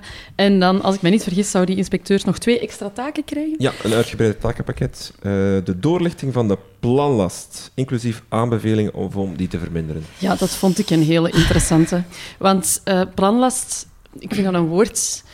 Als je nu aan mij zou vragen, wat is jouw planlast? Mhm. ik, Dat is zo'n containerbegrip, hè, dat wordt voortdurend gebruikt. Ik ken ook mensen die, eh, die verbeterwerkplanlast vinden, maar dat klopt niet, hè, want dat, dat, dat hoort bij jouw kerntaak. Eh, ja, dat wordt allemaal zo op een hoopje gegooid, hè? Ja. Planlast. planlast is eigenlijk datgene waarvan jij het niet zinvol vindt, Ja. ehm, maar toch moet gebeuren, omdat iemand het aan jou oplegt. Ehm, en ik denk dat het soms wel, als mensen zeggen van ik, ik heb geen zin om dat in te vullen of om dat te doen of om dat te doen, ja, soms is dat wel zinvol. Dus ik, ja, planlast is datgene dat je eigenlijk niet administratief niet wil doen, omdat je zelf het nut niet van, in, van inziet. Mhm. En dan denk ik, wauw, hoe gaat een inspectie Ja.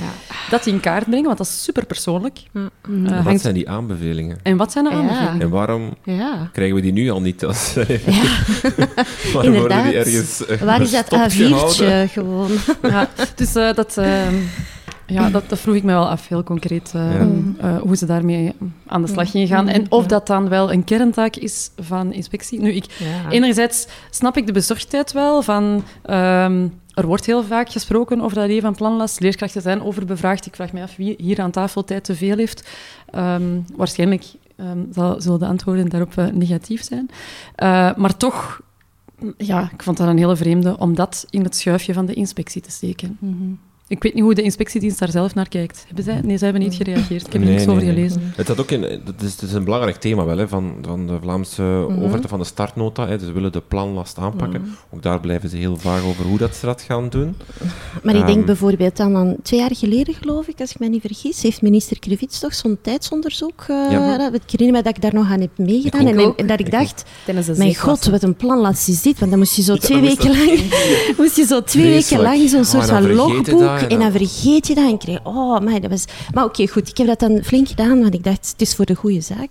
En dan eh, een paar maanden daarna komt dat dan zo met heel veel heisa in de krant. En wat was het, een derde van ons takenpakket bestaat eigenlijk uit administratie en noem maar op. Ehm, en daarna gaat die storm gewoon weer liggen. Dus ik vraag me dan vooral af, van, wat, wat is daar intussen, wat is daarmee gebeurd? I- Is dat niet voldoende? We hebben eigenlijk al gegevens. Eh daar is ook wel ja, registratie gebeurd van wat, wat leerkrachten allemaal zoal doen. Eh, en inderdaad, zoals Karen zegt, is dat de taak van een inspecteur. En hoe gaat die inspecteur dat bepalen? Ik denk dat eh, zelfs directeurs daarmee worstelen. Hè? Want wat is planlast en wat is geen planlast? Dus ik vind dat een hele moeilijke. Voor mij is dat weer zo'n voorbeeld, zoals een taalbatenklas. Hè? Ehm, dat, klinkt allemaal fantastisch in de theorie, maar hoe in de praktijk? Niemand weet het, dus, dus ik kan daar eigenlijk ook gewoon geen mening over hebben, want ik weet helemaal niet eh, wat de bedoeling is. Wat, de link die ik wel zie met, met inspectie is dat er, dat er toch vaak gezegd wordt, hè, planlast, wij moeten dat. En, en dat zou dan mijn grote tip zijn voor, voor elke leraar ter wereld. Weet goed wat moet en wat, wat niet moet, want eigenlijk moeten wij helemaal niet zoveel. Hè? Nee. Ja, maar ik denk, ik denk dat dat heel erg scholen afhankelijk is. Ja, maar dan Heeft nog ook te maken met als leraar. En heel veel leraars begrijpen dat wel hoor. Jongere leraars die houden zich daar niet mee bezig. Die hebben daar geen tijd voor. Welke jonge leraar vraagt zich nu af van... Oké, ik moet dit papiertje invullen. Uh, van wie moet dat eigenlijk? Ja, maar- Moet dat echt wel? Ik denk dat je pas... Als je een aantal jaar lesgeeft, begin je dat af te vragen. Ik dus weet het begrijp wel... Ik weet het niet, want eigenlijk is, eigenlijk is het heel simpel. Hè. Wij moeten onze eindtermen behalen. En we moeten ergens kunnen bewijzen dat wij aan elke eindterm werken en dat we die evalueren. Punt. Dat, dat is wat dat wij moeten. Dat is eigenlijk het enige wat dat wij moeten. Moet dat volgens dat leerplan dat op Smart School staat? Moet dat via dit? Moet dat via dat? Nee, maar ik denk dat, het minder niet. over, over leerplandoelstellingen gaat, maar ik denk dan eerder aan zaken zoals eh, goh, dossiers aanvullen van leerlingen. Zo'n leerlingvolgsysteem bijvoorbeeld. Hè. Je kan daar heel ver in gaan. Hè. Ik kan eigenlijk mijn hele zaterdag spenderen aan het invullen van dossiers van leerlingen. Ja.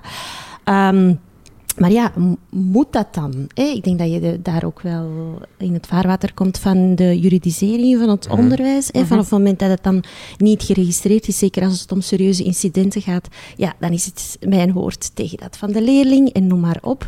Dus Dat is een heel moeilijke hoor, planlast. Mhm. Want dan moet je eigenlijk al kiezen, wat registreer ik? Is dat ook niet de, waar het nu de regering of, of de minister, de minister mee worstelt, is het feit dat dat...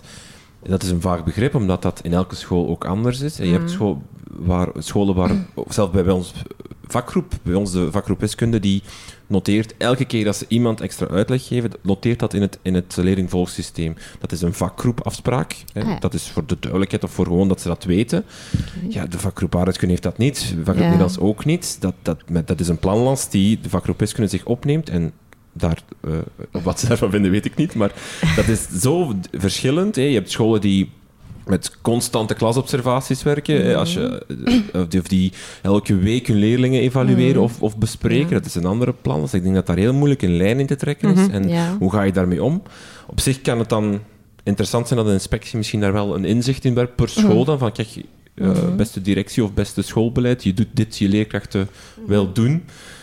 Dat heel veel denk- geven aan maar- dat dat te veel is. Misschien moet je daar eens naar kijken. Uiteindelijk doen ze dat al. hè. We hebben vorig jaar inspectie gehad. En eh, daar kwam de opmerking, we hebben tien personeelsvergaderingen, eentje per maand. Ah. En dan zei de inspecteur, ja, wees je er wel van bewust dat dat echt veel is. Mm. En dan, die vergaderingen worden eigenlijk ingevuld. Soms zijn dat vakoverlegmomenten, dus dat is op zich gewoon wel één moment dat vast ligt. Eh, maar dat werd wel gezegd, want er wordt in overleg gaan met leerkrachten, er wordt in overleg gaan met ouders, met leerlingen. Dus nou, alle partijen hebben daar eigenlijk wel hun zeg in. En als het dan werkelijk zal opvallen, dan denk ik dat dat er nu al in zit. Ik vond het gewoon een beetje vreemd dat dat nu... eh, dat, ja, Ik denk dat je vooral eigenlijk naar, het, eh, naar daarvoor moet gaan kijken. Ik denk dat scholen eh, veel sneller een soort van analyse zouden moeten maken van Ja, ja, wat is nu eigenlijk planlast, of dat allemaal oplijsten en, en daarover met, ja, met elkaar in dialoog gaan. Eh, en dan komt misschien pas eventueel die inspectie. Maar ik vind dat wel een cruciale stap. Mhm. Hè, in, want iedereen heeft het altijd over planlast, maar ik ken niet veel scholen waar, waar dat, dat echt wordt opgelijst of waarin leerkrachten worden betrokken om aan te geven wat die planlast nu is. Is het ook niet, want dat is, het is, ook, is het ook niet een soort van... Het is super persoonlijk, denk ik, of, of een psychologisch aspect. Hè. Je kan, als je, het is wat jij eruit zei, Karen, als het zinvol ervaren wordt, dan wil je wel heel veel planlast was- op je nemen. Hè. Als, je, als je het zinvol vindt om, om van elke les een reflectie te maken, of, zo, of van elke week je leerlingen even, even in een observatieschemaatje op te nemen, zal ik maar zeggen, dan, dan is dat een last. En dan heb je natuurlijk nog altijd, denk ik, de grens of zoiets wat, tot wat je kan doen, hè, de uren in de dag. Maar dan ga je het minder als een last zien, ja, denk ik. bovendien, als je zelf de effecten ervan ziet Ja, en je voilà. merkt dat het binnen jouw plan oplevert, ja, dan is dat iets dat je doet met veel plezier, Ja. denk ik. En dan heb je er ook voldoening uit. eh, haal je er voldoening uit. En, en vandaar ja, dat idee van planlast, ik, voor- dat is een begrip dat ik echt probeer te mijden Ja. als de pest. ja. Ik heb dat ook.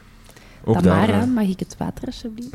Ah ja, tuurlijk. Kijk, ook dat soort vragen Ja. worden Ik denk wel vooral dat het ehm, belangrijk is dat, dat leerkrachten erover nadenken van als je vindt dat iets zinloos is, ga dat gesprek gewoon aan. Ja. Zeker. Ja, Ja, wat, ja, ja, wat houd je tegen? Ja. Ja. Of als je een idee hebt van hoe iets beter kan, alsjeblieft. Of efficiënter, sneller. Er zijn veel dingen die nog Mhm. heel Ja. eh, op- papier met de pen gebeuren. Kan dat niet digitaal gemaakt worden, dat, waardoor het sneller kan eh, Ja. en zo verder. Oké, dat was het nieuws. Voilà, we gaan nu over naar de creatieve dingen. Eh, Lisa, de onderzoekende school Ja. heb je meegebracht. Dat was een, een filmpje. ja, Ehm, ik kan nog wel een paar pdf's en zo doorsturen, maar er bestaat nog geen website van. nee, ik heb het eh, ik heb het even gezocht, maar Ja. het, het was... eh, Het is in ontwikkeling, blijkbaar. Voilà. Het is ehm, een soort van project waarbij verschillende actoren, zowel lerarenopleiding als de onderzoekers, als een school, leerkrachten met elkaar rond de tafel gaan Ja. zitten. Ja, het is een heel interessant project waar onze school dit jaar is ingestapt. Het is aan de VUB voor alle Brusselse scholen, maar ook omstreken.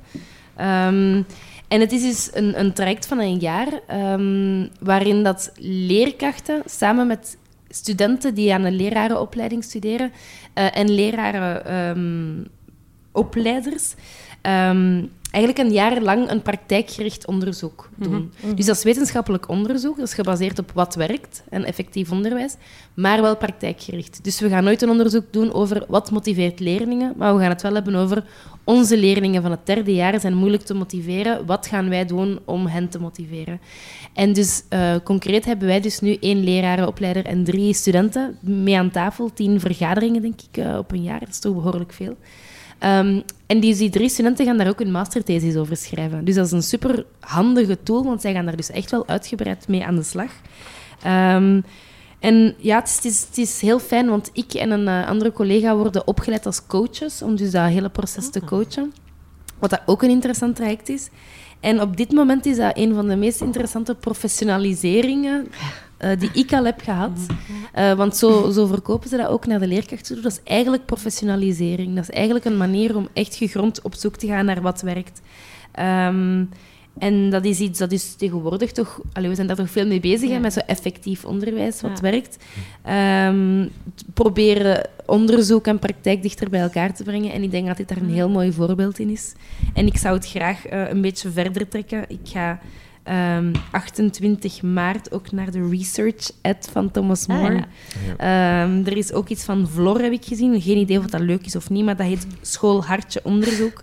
Uh, ja, dat is heel leuk. Ik heb dat vorig jaar gedaan. Ah, ja, voilà. Schitterend. Echt ja. waar. Je krijgt tussen van die leuke flesjes en zo. Ah, Oké. Okay.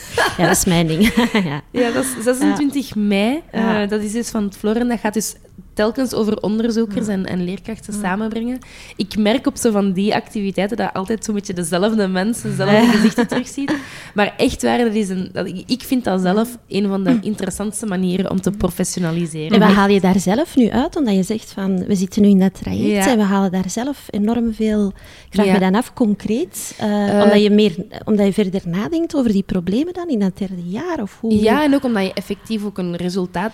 Het, het resultaat is iets concreet. Ja, hè? Dus wij hebben dat, denk ik, vijf jaar geleden hebben we al zo'n traject ah. uh, gelopen. Dat heeft twee jaar geduurd en het resultaat daarvan was co-teaching. Ja. Omdat de vraag was, we willen beter inwerken op uh, binnenklasdifferentiatie. En ons antwoord daarop was uh, co-teaching en dan uh, een, een, een flexklas. Um, en dat was dus niet zomaar, oh, we hebben eens goesting om iets nieuws te doen. Dat was dus echt gebaseerd op twee jaar lang maar onderzoek. En dat was heel fijn. En dus nu zijn we dat aan het doen voor het, voor het ja. derde jaar. En ik kan niet zeggen dat we daar dus nu al super concrete resultaten van hebben. Want het, wat dat we nu nog gedaan hebben, is gewoon beginsituatieanalyse. Want ja. zo begint een onderzoek. Hè. Wat is onze vraag? Wat is onze onderzoeksvraag? En dan we gaan we gaan eens informatie inwinnen. En daar zitten wij nu. Dus dat is nog niet concreet. Maar...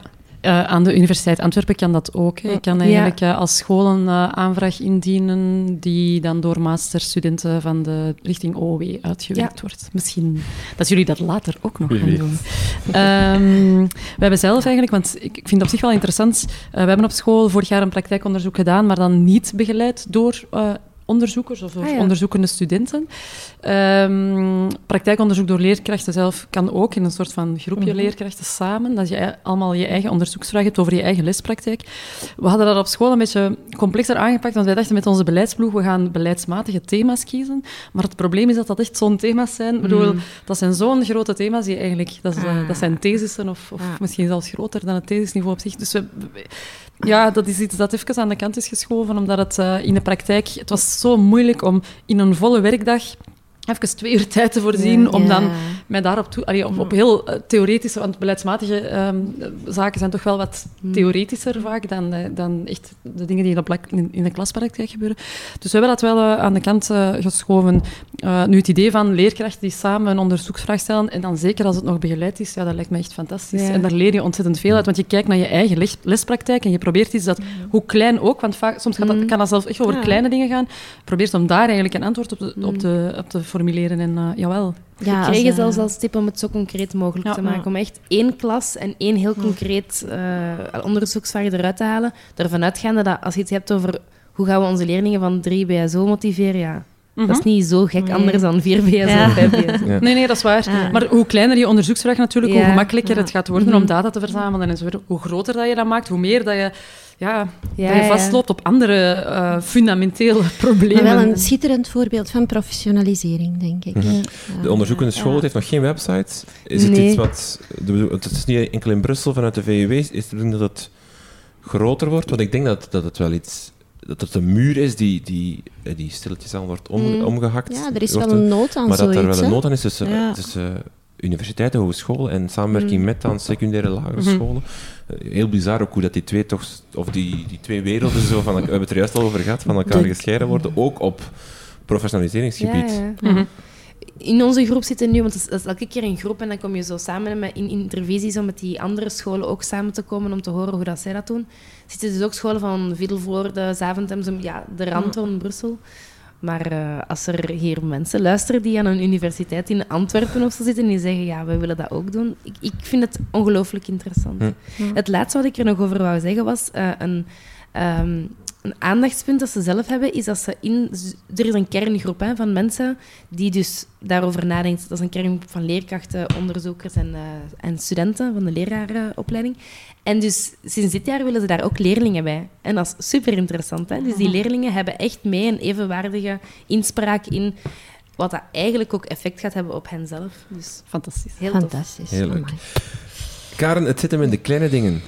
Eh, je hebt eh, een, een, een Twitter-draadje meegebracht, Ja. zoals dat heet. Wel, eh, als we nadenken over innovatie of over verandering in het onderwijs, dan gaat het vaak over heel grote dingen. Wat, wat jij net vertelt, Lisa, dat zijn dingen die een jaartraject zijn en zo verder. En het is niet zo onlogisch dat mensen daar wel eens bij zuchten. En zo denken van, "Pff, ja, ik, ik heb momenteel geen ruimte om de berg is zoveel... te hoog om te ja, beklimmen. dat is gewoon zo. Ja. Hè. Of, of ja, je hebt een idee, je hebt iets uitgewerkt en je vertelt dat aan een collega. En, en op dat moment voel je van, ja, dat, dat, dat, dat gaat gewoon even niet binnen, omdat het, Ja. omdat het eh, potje te vol zit.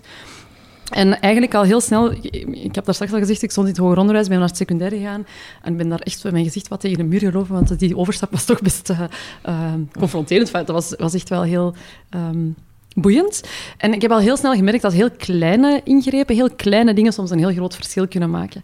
En eh, in, in dat opzicht inderdaad heb ik een, eh, een Twitter-draadje meegebracht, waarbij een of andere prof, eh, ik denk uit het Verenigd Koninkrijk, ehm, beschreef hoe, ze, hoe een heel kleine eh, verandering in haar lespraktijk een groot verschil had teweeggebracht. Heel concreet wat ze gedaan had, is de vraag, zijn er nog vragen? Waarvan wij allemaal weten dat er nooit een vraag is als je die vraag stelt. Ehm, dat ze die vraag heeft, heeft omgevormd in plaats van die vraag te stellen, dat ze, gesteld heeft, dat ze gezegd heeft op het einde van haar lessen van vertel nu eens, met welke vragen zitten jullie nog? Ja. En dat ze eigenlijk op die manier merkte dat ze veel meer input kreeg aan dingen die die studenten niet begrepen. Ja, ik breek ondertussen hier eh, alles af. Ehm, en dat zijn dingen die voor mij heel herkenbaar zijn. Ik heb bijvoorbeeld zelf, ehm, toen ik titularis was aan een klas, ondertussen ben ik dat niet meer, omdat ik coördinator ben, ehm, bevroeg ik altijd mijn leerlingen na de proefwerken. En dan had ik zo'n heel eenvoudig zinnetje dat ze moesten aanvullen. Ik wil dat mijn leerkrachten weten dat. En dan Ah, ja. puntje, puntje, Ja. puntje. En dan... Daar komen de gekste antwoorden ja, waarschijnlijk. daar, daar En- komen ja. heel, dat is eigenlijk al een heel leuk zinnetje, want soms Ah. staat er gewoon, ik wil dat mijn le- leerkrachten weten dat ze een heel fijne vakantie, eh, Oh. dat ik ze een Ja, heel ja. fijne vakantie wens, of dat ik de lessen interessant vond. Ja. Maar soms staat er ook van, ja, ik wil dat, ik echt, dat jullie weten dat, dat ik echt heel erg mijn best gedaan heb, maar dat het om die en die reden niet gelukt Ja. is. Of Ja. soms komt daar plots toch informatie naar boven die Mhm. echt wel belangrijk is voor een klasraad. En die op een of andere manier, als je aan een leerling vraagt, gaat het of is er iets dat we moeten weten? Ja, door gewoon die formulering anders te draaien of door dat op een of andere manier toegankelijk te maken, ehm, ja, zijn dat dingen die toch wel plots werken en die zeer, heel zeer zinvolle eh, informatie opleveren. Een ander voorbeeldje uit, die, eh, uit datzelfde, uit diezelfde conversatie was iemand die, die zei van ja, wanneer een, een student een fout maakt, durf ik daar al wel eens op te reageren met ah, dankjewel om die fout te maken. Het is goed, je bent waarschijnlijk niet de enige met die, die met die fout zit, eh, want dat is een veelgemaakte fout en ik wil toch nog gewoon even de kans maken om iedereen nu even terug op het juiste spoor te zetten. Waardoor je eigenlijk zo het gevoel dat je zou zeggen van ja, nee, dat is een fout antwoord, je bent helemaal niet goed bezig. Je gaat eigenlijk die, die schroom wegnemen bij die leerling, die, die, krijgt eigenlijk, die wordt eigenlijk gerustgesteld. En, en, en van die fout wordt eigenlijk iets heel Ja, positiefs de zaken opgebouwd. omdraaien, hè? Ja. ja. Dus ik- ja, ik, het, was, het was een soort van creatief, innovatief, met heel weinig dingen, met heel weinig middelen. Het kost geen geld, het is Ja. gewoon even wat denkwerk en wat inspiratie opdoen. Dus het zou wel leuk zijn als jullie nog voorbeelden hebben van dingen die... Eh, ja, bij mij persoonlijk, eh, hetgeen wat ik zo meteen aan denk, eh, is eh, sinds ik werk met zo van die, van die whiteboards, dat klinkt heel erg onnozel. Je ziet dat zo in zo van Die die, bordjes film, eh, filmpjes uit de jaren 50, hè, toen waren er nog met krijtjes. Enfin, nu is dat eh, de andere variant, de witte variant. Eh, maar sinds ik daar eh, mee werk, heb ik echt wel... ehm, ja, er is een andere vibe ontstaan. Ehm, ik moet ook niet zo vragen van, allee, steek jullie vinger op en niemand steekt zijn vinger op. Of het zijn altijd dezelfde die hun vinger opsteken. Ik krijg die zwakkere ook mee, waardoor ik gewoon veel sneller kan ingrijpen. Ik heb veel sneller door van, oei, dat klopt hier niet. Is dat een gedoe? Ja, dat is wel een beetje gedoe, hè, want je moet natuurlijk wel stiften voorzien enzovoort.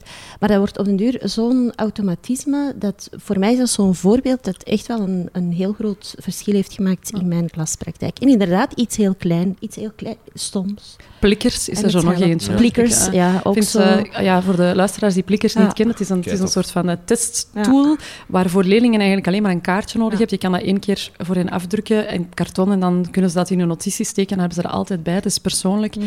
En je kan een aantal meer keuzevragen stellen en ze moeten dan dat kaartje in de lucht steken. En met een heel eenvoudige camera-opname, die heel snel gebeurt. Ik geloof dat zelf niet. Het heeft Ja. heel lang geduurd voor ik het Ja. gebruik.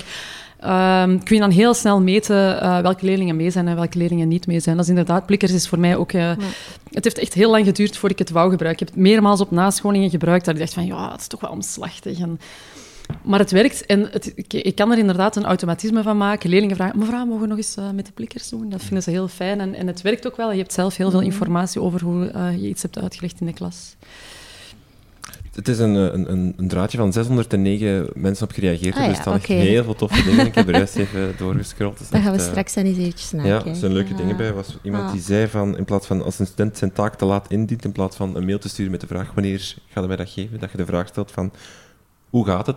Lukt er iets niet? Kan Ah ik ja, helpen? die vraag Ja. te stellen. Eh, ja, er staan echt heel, je moet echt maar eens doorscrollen. Het is, het is leuk om te Ah. lezen. Allemaal Ja. kleine ingrepen. Voor mij, ehm, op een oudercontact, als eerste zin zeggen... Hoe, hoe is uw eerste indruk van de twee maanden die voorbij zijn? Allee, die, die Ja. nu geweest zijn. Mhm. Omdat ouders dat niet gewoon zijn om een vraag Ja. te krijgen. Heel, Ja, dat heel boeiende gesprekken. Ja. Kleine ingreepjes, kijk, voilà. We gaan eh, naar onze help-categorie. Eh, Tamara, het is, het, is, het is eentje van ons beiden, de, de help. Ah, We is hebben- dat zo? Ja. Oké, goed.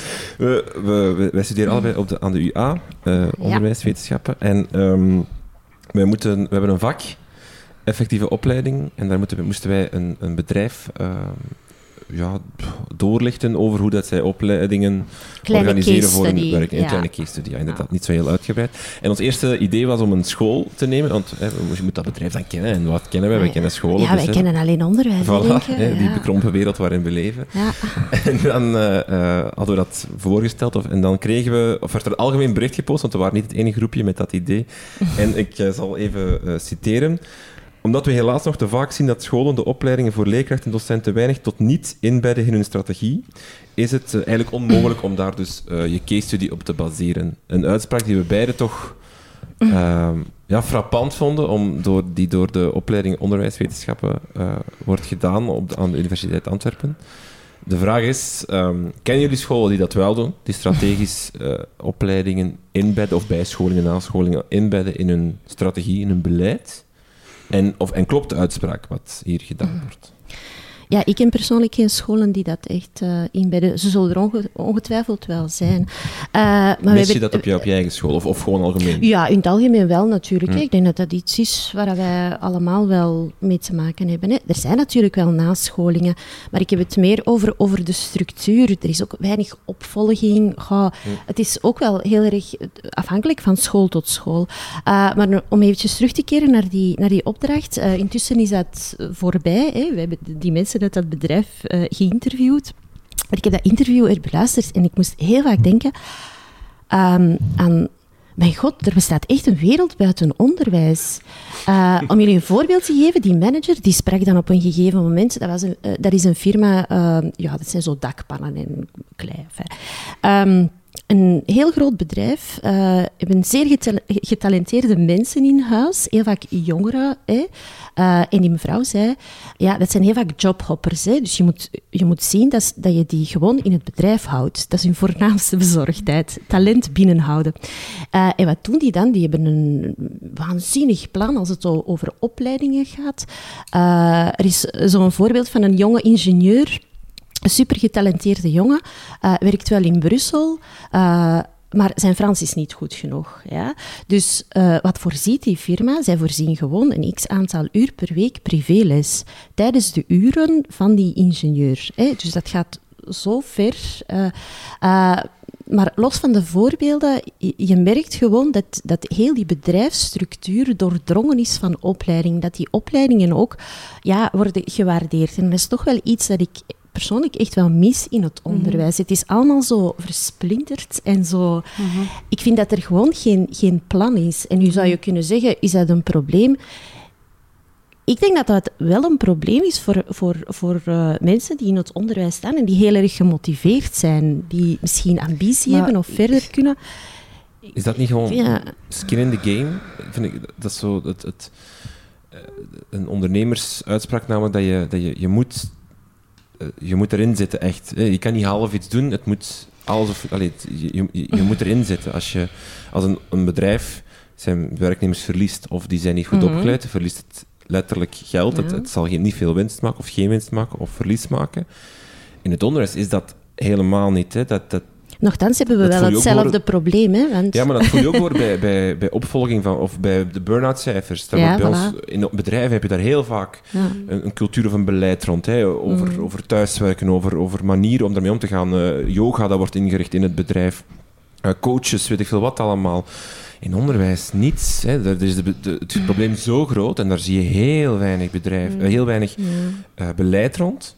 En de enigste, of een van de redenen, of dat ik denk, is gewoon van geen, geen, het doet niet genoeg pijn als er een leerkracht uitvalt, want dan Dat weet Ja, ik niet. doet Dat weet ik pijn, niet. hè. Ik snap wat je bedoelt. hè. Tuurlijk doet dat pijn. Ja. hè. Voor de leerling doet dat pijn. Maar die leer, of de- dat Ja. doet niet genoeg pijn voor de, voor Ja. de bedrijfsleider of voor, pak het groter, de Vlaamse minister. In de zin dat het niet financieel pijn doet en dat ervoor zorgt dat het bedrijf van altijd blijven draaien. Er moet aan dat wachten het- voorzien worden ja. en dat is vreselijk. Het is veel erger dan in, in, een, in een, een onderneming, zal ik maar zeggen. Maar als, als een onderneming geen mensen vindt, dan gaat die failliet. Dan is het gedaan. Voorbij. Dan verliest hij duizenden de euro's en dan is het gedaan. In onderwijs is er zo'n, zal ik maar zeggen, structuur en dat, dat bo- bobbelt maar voort. er gebeurt niets en, en dat is... Maar ik denk wel dat, eh, dat we wel op een kantelpunt komen waar Ja, de zeker. belangen zo groot worden. Ja. Ehm, kijk naar bijvoorbeeld een vak als Frans, waar we nu al van vaststellen dat eigenlijk het niveau eh, op het einde van het zesde Mm. jaar ASO, BSO, TSO totaal onvoldoende is. Ik denk dat, we, dat er ja, weinig... Door het feit dat laat, er...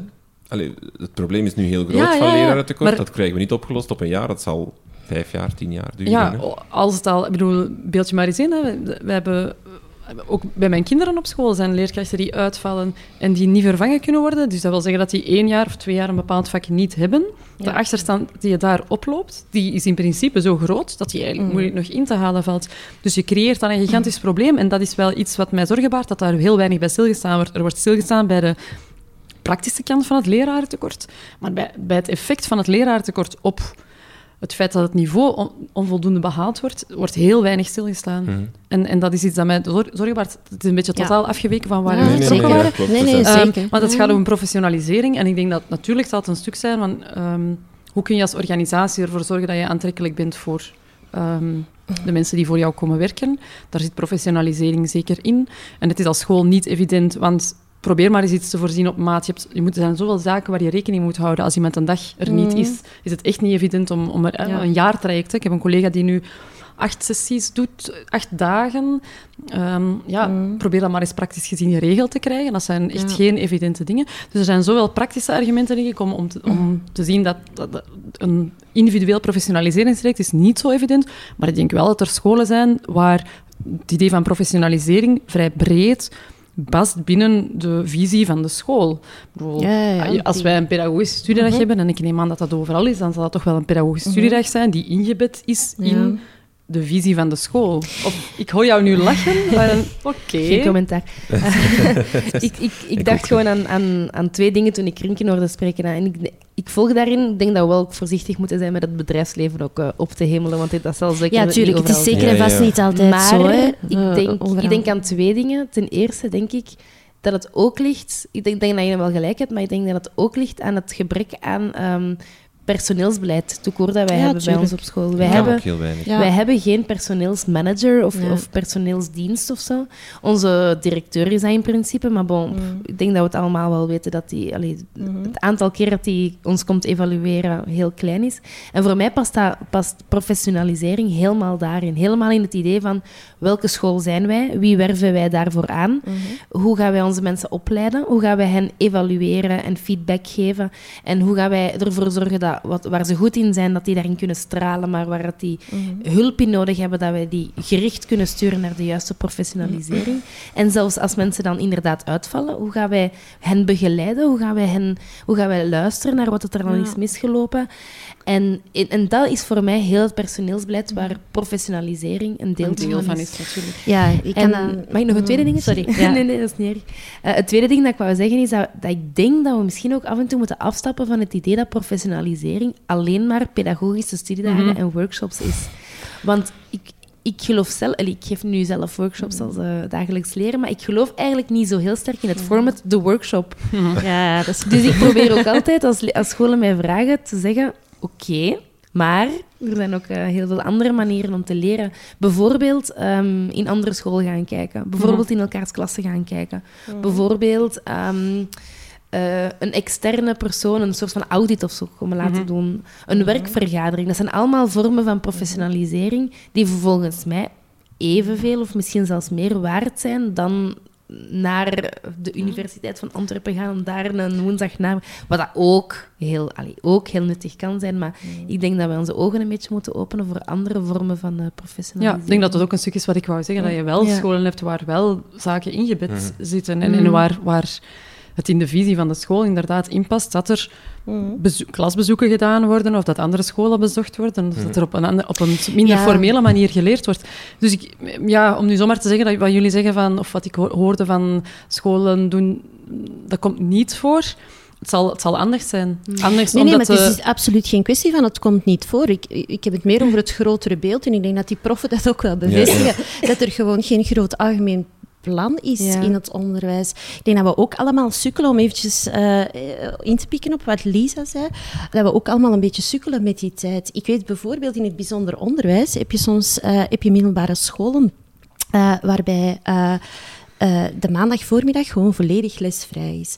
Wat gebeurt er tijdens die maandagvoormiddag? Ah, dan komen die leerkrachten samen, die overleggen, er zijn werkvergaderingen, die leerlingen worden besproken. Nu, je kan je de vraag stellen, is dat wel realistisch in het secundair onderwijs? Ik denk dat het gewoon allemaal uiteindelijk een kwestie is van keuzes maken. Want je kan niet ah, alles doen binnen eh, ja, acht uur per dag, vijf dagen per week. Hè? Dus eh, ze zullen er ongetwijfeld wel zijn, maar er schort wel iets aan het grotere plan. Oké. Het laatste. Het kip, de, de, de kip of het ei? Karen. Jawel, hou je even vast, want ik moet me dan- even focussen Ja. om dit goed te kunnen formuleren. Oei, nu wordt het wel heel zwaar in Ja, we eindigen met een, eh, een filosofische stelling? Filosofische stelling. Maar het is niet zo filosofisch. Maar oké, het klinkt wel ontzettend. eh. De vraag is of dat onze jongeren beter en meer, meer lezen omdat ze goede lezers zijn, of dat ze... Je bent al aan het lachen op voorhand ergens. Of dat ze betere lezers worden omdat ze meer lezen. hè? Mhm. Dus de kip of het ei, moeten ze eerst meer lezen om betere lezer te worden, of zijn ze betere lezers en ze gaan ze daarom meer lezen? Onderzoek lijkt uit te wijzen dat ehm, jongeren die beter lezen, dat die meer gaan lezen. En dat is wat wij soms vermoeden, en wat toch in klassen toch wel, ja, je moet ze meer laten lezen, meer laten lezen, dat dat eigenlijk niet echt werkt. Dat niet zomaar door meer te lezen dat je een betere lezer wordt. En dat leesinstructie dus heel erg belangrijk is. Iets vergelijkbaars zien we ook bij motivatie. We, worden, we proberen als scholen heel vaak onze leerlingen gemotiveerd te krijgen. Ik hoorde jou dat daar straks ook ergens ik weet niet meer juist waar het was, maar we proberen onze leerlingen, hoe krijgen we onze leerlingen gemotiveerd? Als je naar onderzoek gaat kijken, dan blijkt dat iets kunnen vaak een trigger is voor motivatie. Mhm. Niet de enige trigger, Mhm. maar toch wel een belangrijke trigger. En dat dus ja, onze inspanningen vaak om leerlingen te motiveren en hoe we dat dan ook doen, door dingen aan te zoeken die bij, aansluiten bij hun leefwereld, of door iets op te leuken, hè, het, het, het leukigheid van het onderwijs en zo verder. Ehm, Pretpedagogie. ja, dat, het, ja, het Dat vervelende woord. woord. Dat woord. Dus, maar, Oh. maar het is zo, ja, je, je voelt, je zit met leerlingen die schoolmoe zijn Ja. en je wil werken aan die motivatie. En eigenlijk ja, zegt, onderwijs, oh, zegt onderzoek ons ei- van ja, maar nee, we moeten eigenlijk gewoon zorgen dat de beheersing goed zit. En dat die leerlingen succeservaringen opdoen, niet alleen ehm, bij lezen, maar dus op verschillende vlakken. En dat die dan eigenlijk dingen meer gaan doen en meer gemotiveerd gaan doen. Ehm, en mijn vraag was een beetje, omdat ik toch voel dat we in onderwijs heel vaak bezig zijn met hoe kunnen we onze leerlingen gemotiveren? Wie heeft er goede ideeën om dat om te draaien en om eigenlijk ja, dat, dat los te laten en echt te zeggen, nee, we gaan echt voor de inhoud en we zorgen... Ja, dat is een beetje, ja, misschien toch een filosofische afsluiter van... Ja. Ik vind een het een- filosofische afsluiter. Eh, Je wilt eigenlijk denk- leerlingen beter ja. doen lezen in plaats van ze meer te doen lezen. Ja, ik... Als ik het ehm, even... ja, Want dus, het ene ja, leidt, want Ja, beter dus- lezen leidt tot mm. meer lezen, maar Ja. meer lezen leidt niet tot beter Mm. lezen. inderdaad. Dan is de vraag, hoe, hoe doe je leerlingen beter lezen? Dat is dan, is dat, Door ze betere instructie te geven Ja. in het Ja. lager onderwijs, denk ja, ik. ik denk technisch dat dat- lezen dan? Want ja. dat, is, dat was, denk ik, twee, drie podcasts, Mhm. leraarskamers gelezen, we het daar even over gehad, dat dat ook al wat gedaald was in, in Mhm. Vlaanderen. Ehm, Ja. Zeker ook begrijpend lezen. mm, Ja, hoewel voor begrijpend lezen ook blijkt dat eh, kennis gewoon superbelangrijk Mhm. is. Ja. En dat hoe meer... Ik, ik heb nu deze week ook nog een heel leuk eh, experimentje in de klas gedaan. Ik had het in de vorige aflevering denk ik- denk ik ook gezegd. Dus als ik leesvaardigheid toets, dan probeer ik eigenlijk altijd wel te zien dat ik dat onderwerp voldoende ehm, uitgediept heb al op Mhm. voorhand. Omdat anders wordt zo'n leesvaardigheidstest bijna een kennisproef. Ken je Mhm. iets over dat onderwerp of ken je er niks over? En, ehm, dus ik had eh, leerlingen teksten gegeven over Nelson Mandela. Dus ze moesten ehm, elk een tekst lezen over Mandela. Ik had eh, drie verschillende teksten en ze moesten ook één video bekijken. Ik had drie video's. Die hebben ze dan bekeken, met elkaar besproken, informatie van hun verschillende teksten en video's uitgewisseld. En dan nadien heb ik eigenlijk op- met een andere test, tekst, onbekende, ongeziene tekst, eigenlijk gezien van... mhm. Ehm, eh, ja, wat, hey, hoe, hoe begrijp je nu die tekst? En echt tekstinhoudelijke vragen en ook naar opbouw en zo vragen gesteld. En dan is de vaststelling nadien, ik heb ook hun, eh, hun woordenschat getest, en dan blijkt daar zo heel mooi uit dat de leerling met de lage woordenschat laag scoort Ja. en de leerling met de hoge scoort verrassing, hoog verrassing. Dus dat is, ja, Ja. soms... oh, je, Ja. je, test, je test dan leesvaardigheid en dan kom je tot bij de conclusie, ik had eigenlijk gewoon het cijfer van de woordenschattest kunnen ja. geven. Ja, Maar, maar om maar te zeggen, ja, ehm, hoe, hoe ga je... er- het is inderdaad iets, hè, van, hoe ga je daar nu mee... Wetenschap vertelt ons dat. Hoe gaan we daarmee om? Ja. Dat is een beetje de hulpvraag, Ja, ja, ja, ja. denk ik. Want als je ook bijna zegt is van dit moet starten in het lager onderwijs, of zo, allee, daar starten, goed leren technisch lezen, goed leren eh, kennis opbouwen, dat is natuurlijk een langer traject, hè, goed rekenen. dat soort dingen. Ehm, wat, ik, wat je daar dan wat mist, is eigenlijk de vertaling van, van zo wetenschappelijke studies die dat aantonen naar een coherent Ja, hoe- beleid dat over, niet alleen over secundair onderwijs gaat, niet alleen over die derde graad gaat, maar eigenlijk uitgerold wordt Mhm. over het, vanaf het kleuteronderwijs tot en met, wij dat spreken unief. En dat is, ontbreekt op dit moment wel een beetje. Ja, ik denk dat ook eh, niet alle leerkrachten dat zo doen misschien, op de manier waarop Karen dat doet. Want ik merk dat inderdaad ook wel in de praktijk. Eh, op den duur toets je meer woordenschat. Ik, ik weet zelf soms niet goed wel ik kan toetsen. ben. Of Dat echt- wereldkennis. Of wereldkennis, hè, dat is ook zoiets. Ja. Hè. Ehm, ja, ik probeer eh, dat gewoon op voorhand een klein beetje uit te sluiten. In de zin van, ik geef leerlingen zeer zelden gewoon zomaar een leestest. Dus ik ga dat wel na van hé, die woorden en eh, de, de, ja, het algemene plaatje. Ik probeer die voorkennis ook wel. En dan merk je dat, dat leerlingen die totaal geen voorkennis hebben, ja, die lopen gewoon al vast. Hè. Dat is al klaar. Hè. Eh, dat is een heel moeilijke... Maar ik vind die instructie wel heel erg belangrijk. Want om gewoon zomaar te zeggen van hier, lees maar, dat gebeurt heel vaak, denk ik, hè, op scholen.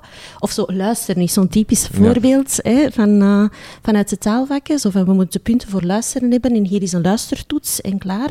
Eh, maar dat is zo ingewikkeld eh, dat je dat niet gewoon zomaar kan doen. Dat is moeilijk. Ja, Dat is zo'n sippen om mee te eindigen. ja maar dat is moeilijk. Hè? Ja, maar- ja, Ja. Maar dus wacht, de vraag was was Ja, eh, wel niet hoe, ehm, hoe zorgen we ervoor dat we ze motiveren om te lezen, maar hoe, hoe leren we lezen. leerlingen goed lezen Ja, eigenlijk is een beetje de vraag, en misschien is dat een vraag naar het onderzoeksveld. Hè? Als, als die onderzoeken aantonen dat hè, ehm, je één beter moet lezen om meer te gaan lezen. Mhm. Wij, wij vragen aan leerlingen lezen en lezen en lezen. En die Mhm. leerling, ja, ik merk dat ook soms, hè, dat, dat leerlingen eigenlijk helemaal niet zo vlot lezen en niet Ja, zo goed waar. lezen. Ja. Ehm, dan is dat natuurlijk, dan wordt het echt een marteling om een boek uit te lezen, Ja, hè, als ja, het niet zo vlot gaat. Ehm, dat is ook een ontzettend belangrijke voorspellende factor naar studiesucces later. Hè. Die, die Mhm. leesvaardigheid, woordenschat groter en zo verder. Ehm, dus als we dat weten, ja, wat betekent dat dan voor onze lespraktijk? Hoe, het is een helpvraag, hè? Ja, ja. Mag dat? Ja, zeker, ja. Want daar, bestaat wel, allee, daar, bestaat, daar bestaan ook antwoorden op. Hè? Ik, allee, kan ze nu niet normaal schieten. Nee, nee, oké. Hoe, hoe, hoe, Ja. hoe, doe je goed, allee, hoe geef je goed leesonderwijs? In een derde graad. Ja. Zo. Maar is het niet vooral belangrijk dat het vroeger begint? Ik zeg ja, maar iets, hè, want in een derde graad wordt het heel moeilijk. Hè. Dat, dat bedoel ik met dat complexe. Dat is waar. Eh, want ik merk vooral dat mijn, dat mijn leerlingen vooral op dat vlak heel veel achterstand hebben. En die achterstand, ik heb me al duizend keer afgevraagd, hoe komt dat toch en waar komt dat vandaan? Ik kan dat ook niet zomaar vastpinnen op het lager onderwijs of de eerste graad of zo. Dat, dat is veel te complex. Maar ik denk dat je in een derde graad ook wel eh, zaken kan doen als je dat een beetje gestructureerd aanpakt. Ik geloof nooit dat het te laat is. Maar ja... eh, qua help-antwoord is misschien niet zo.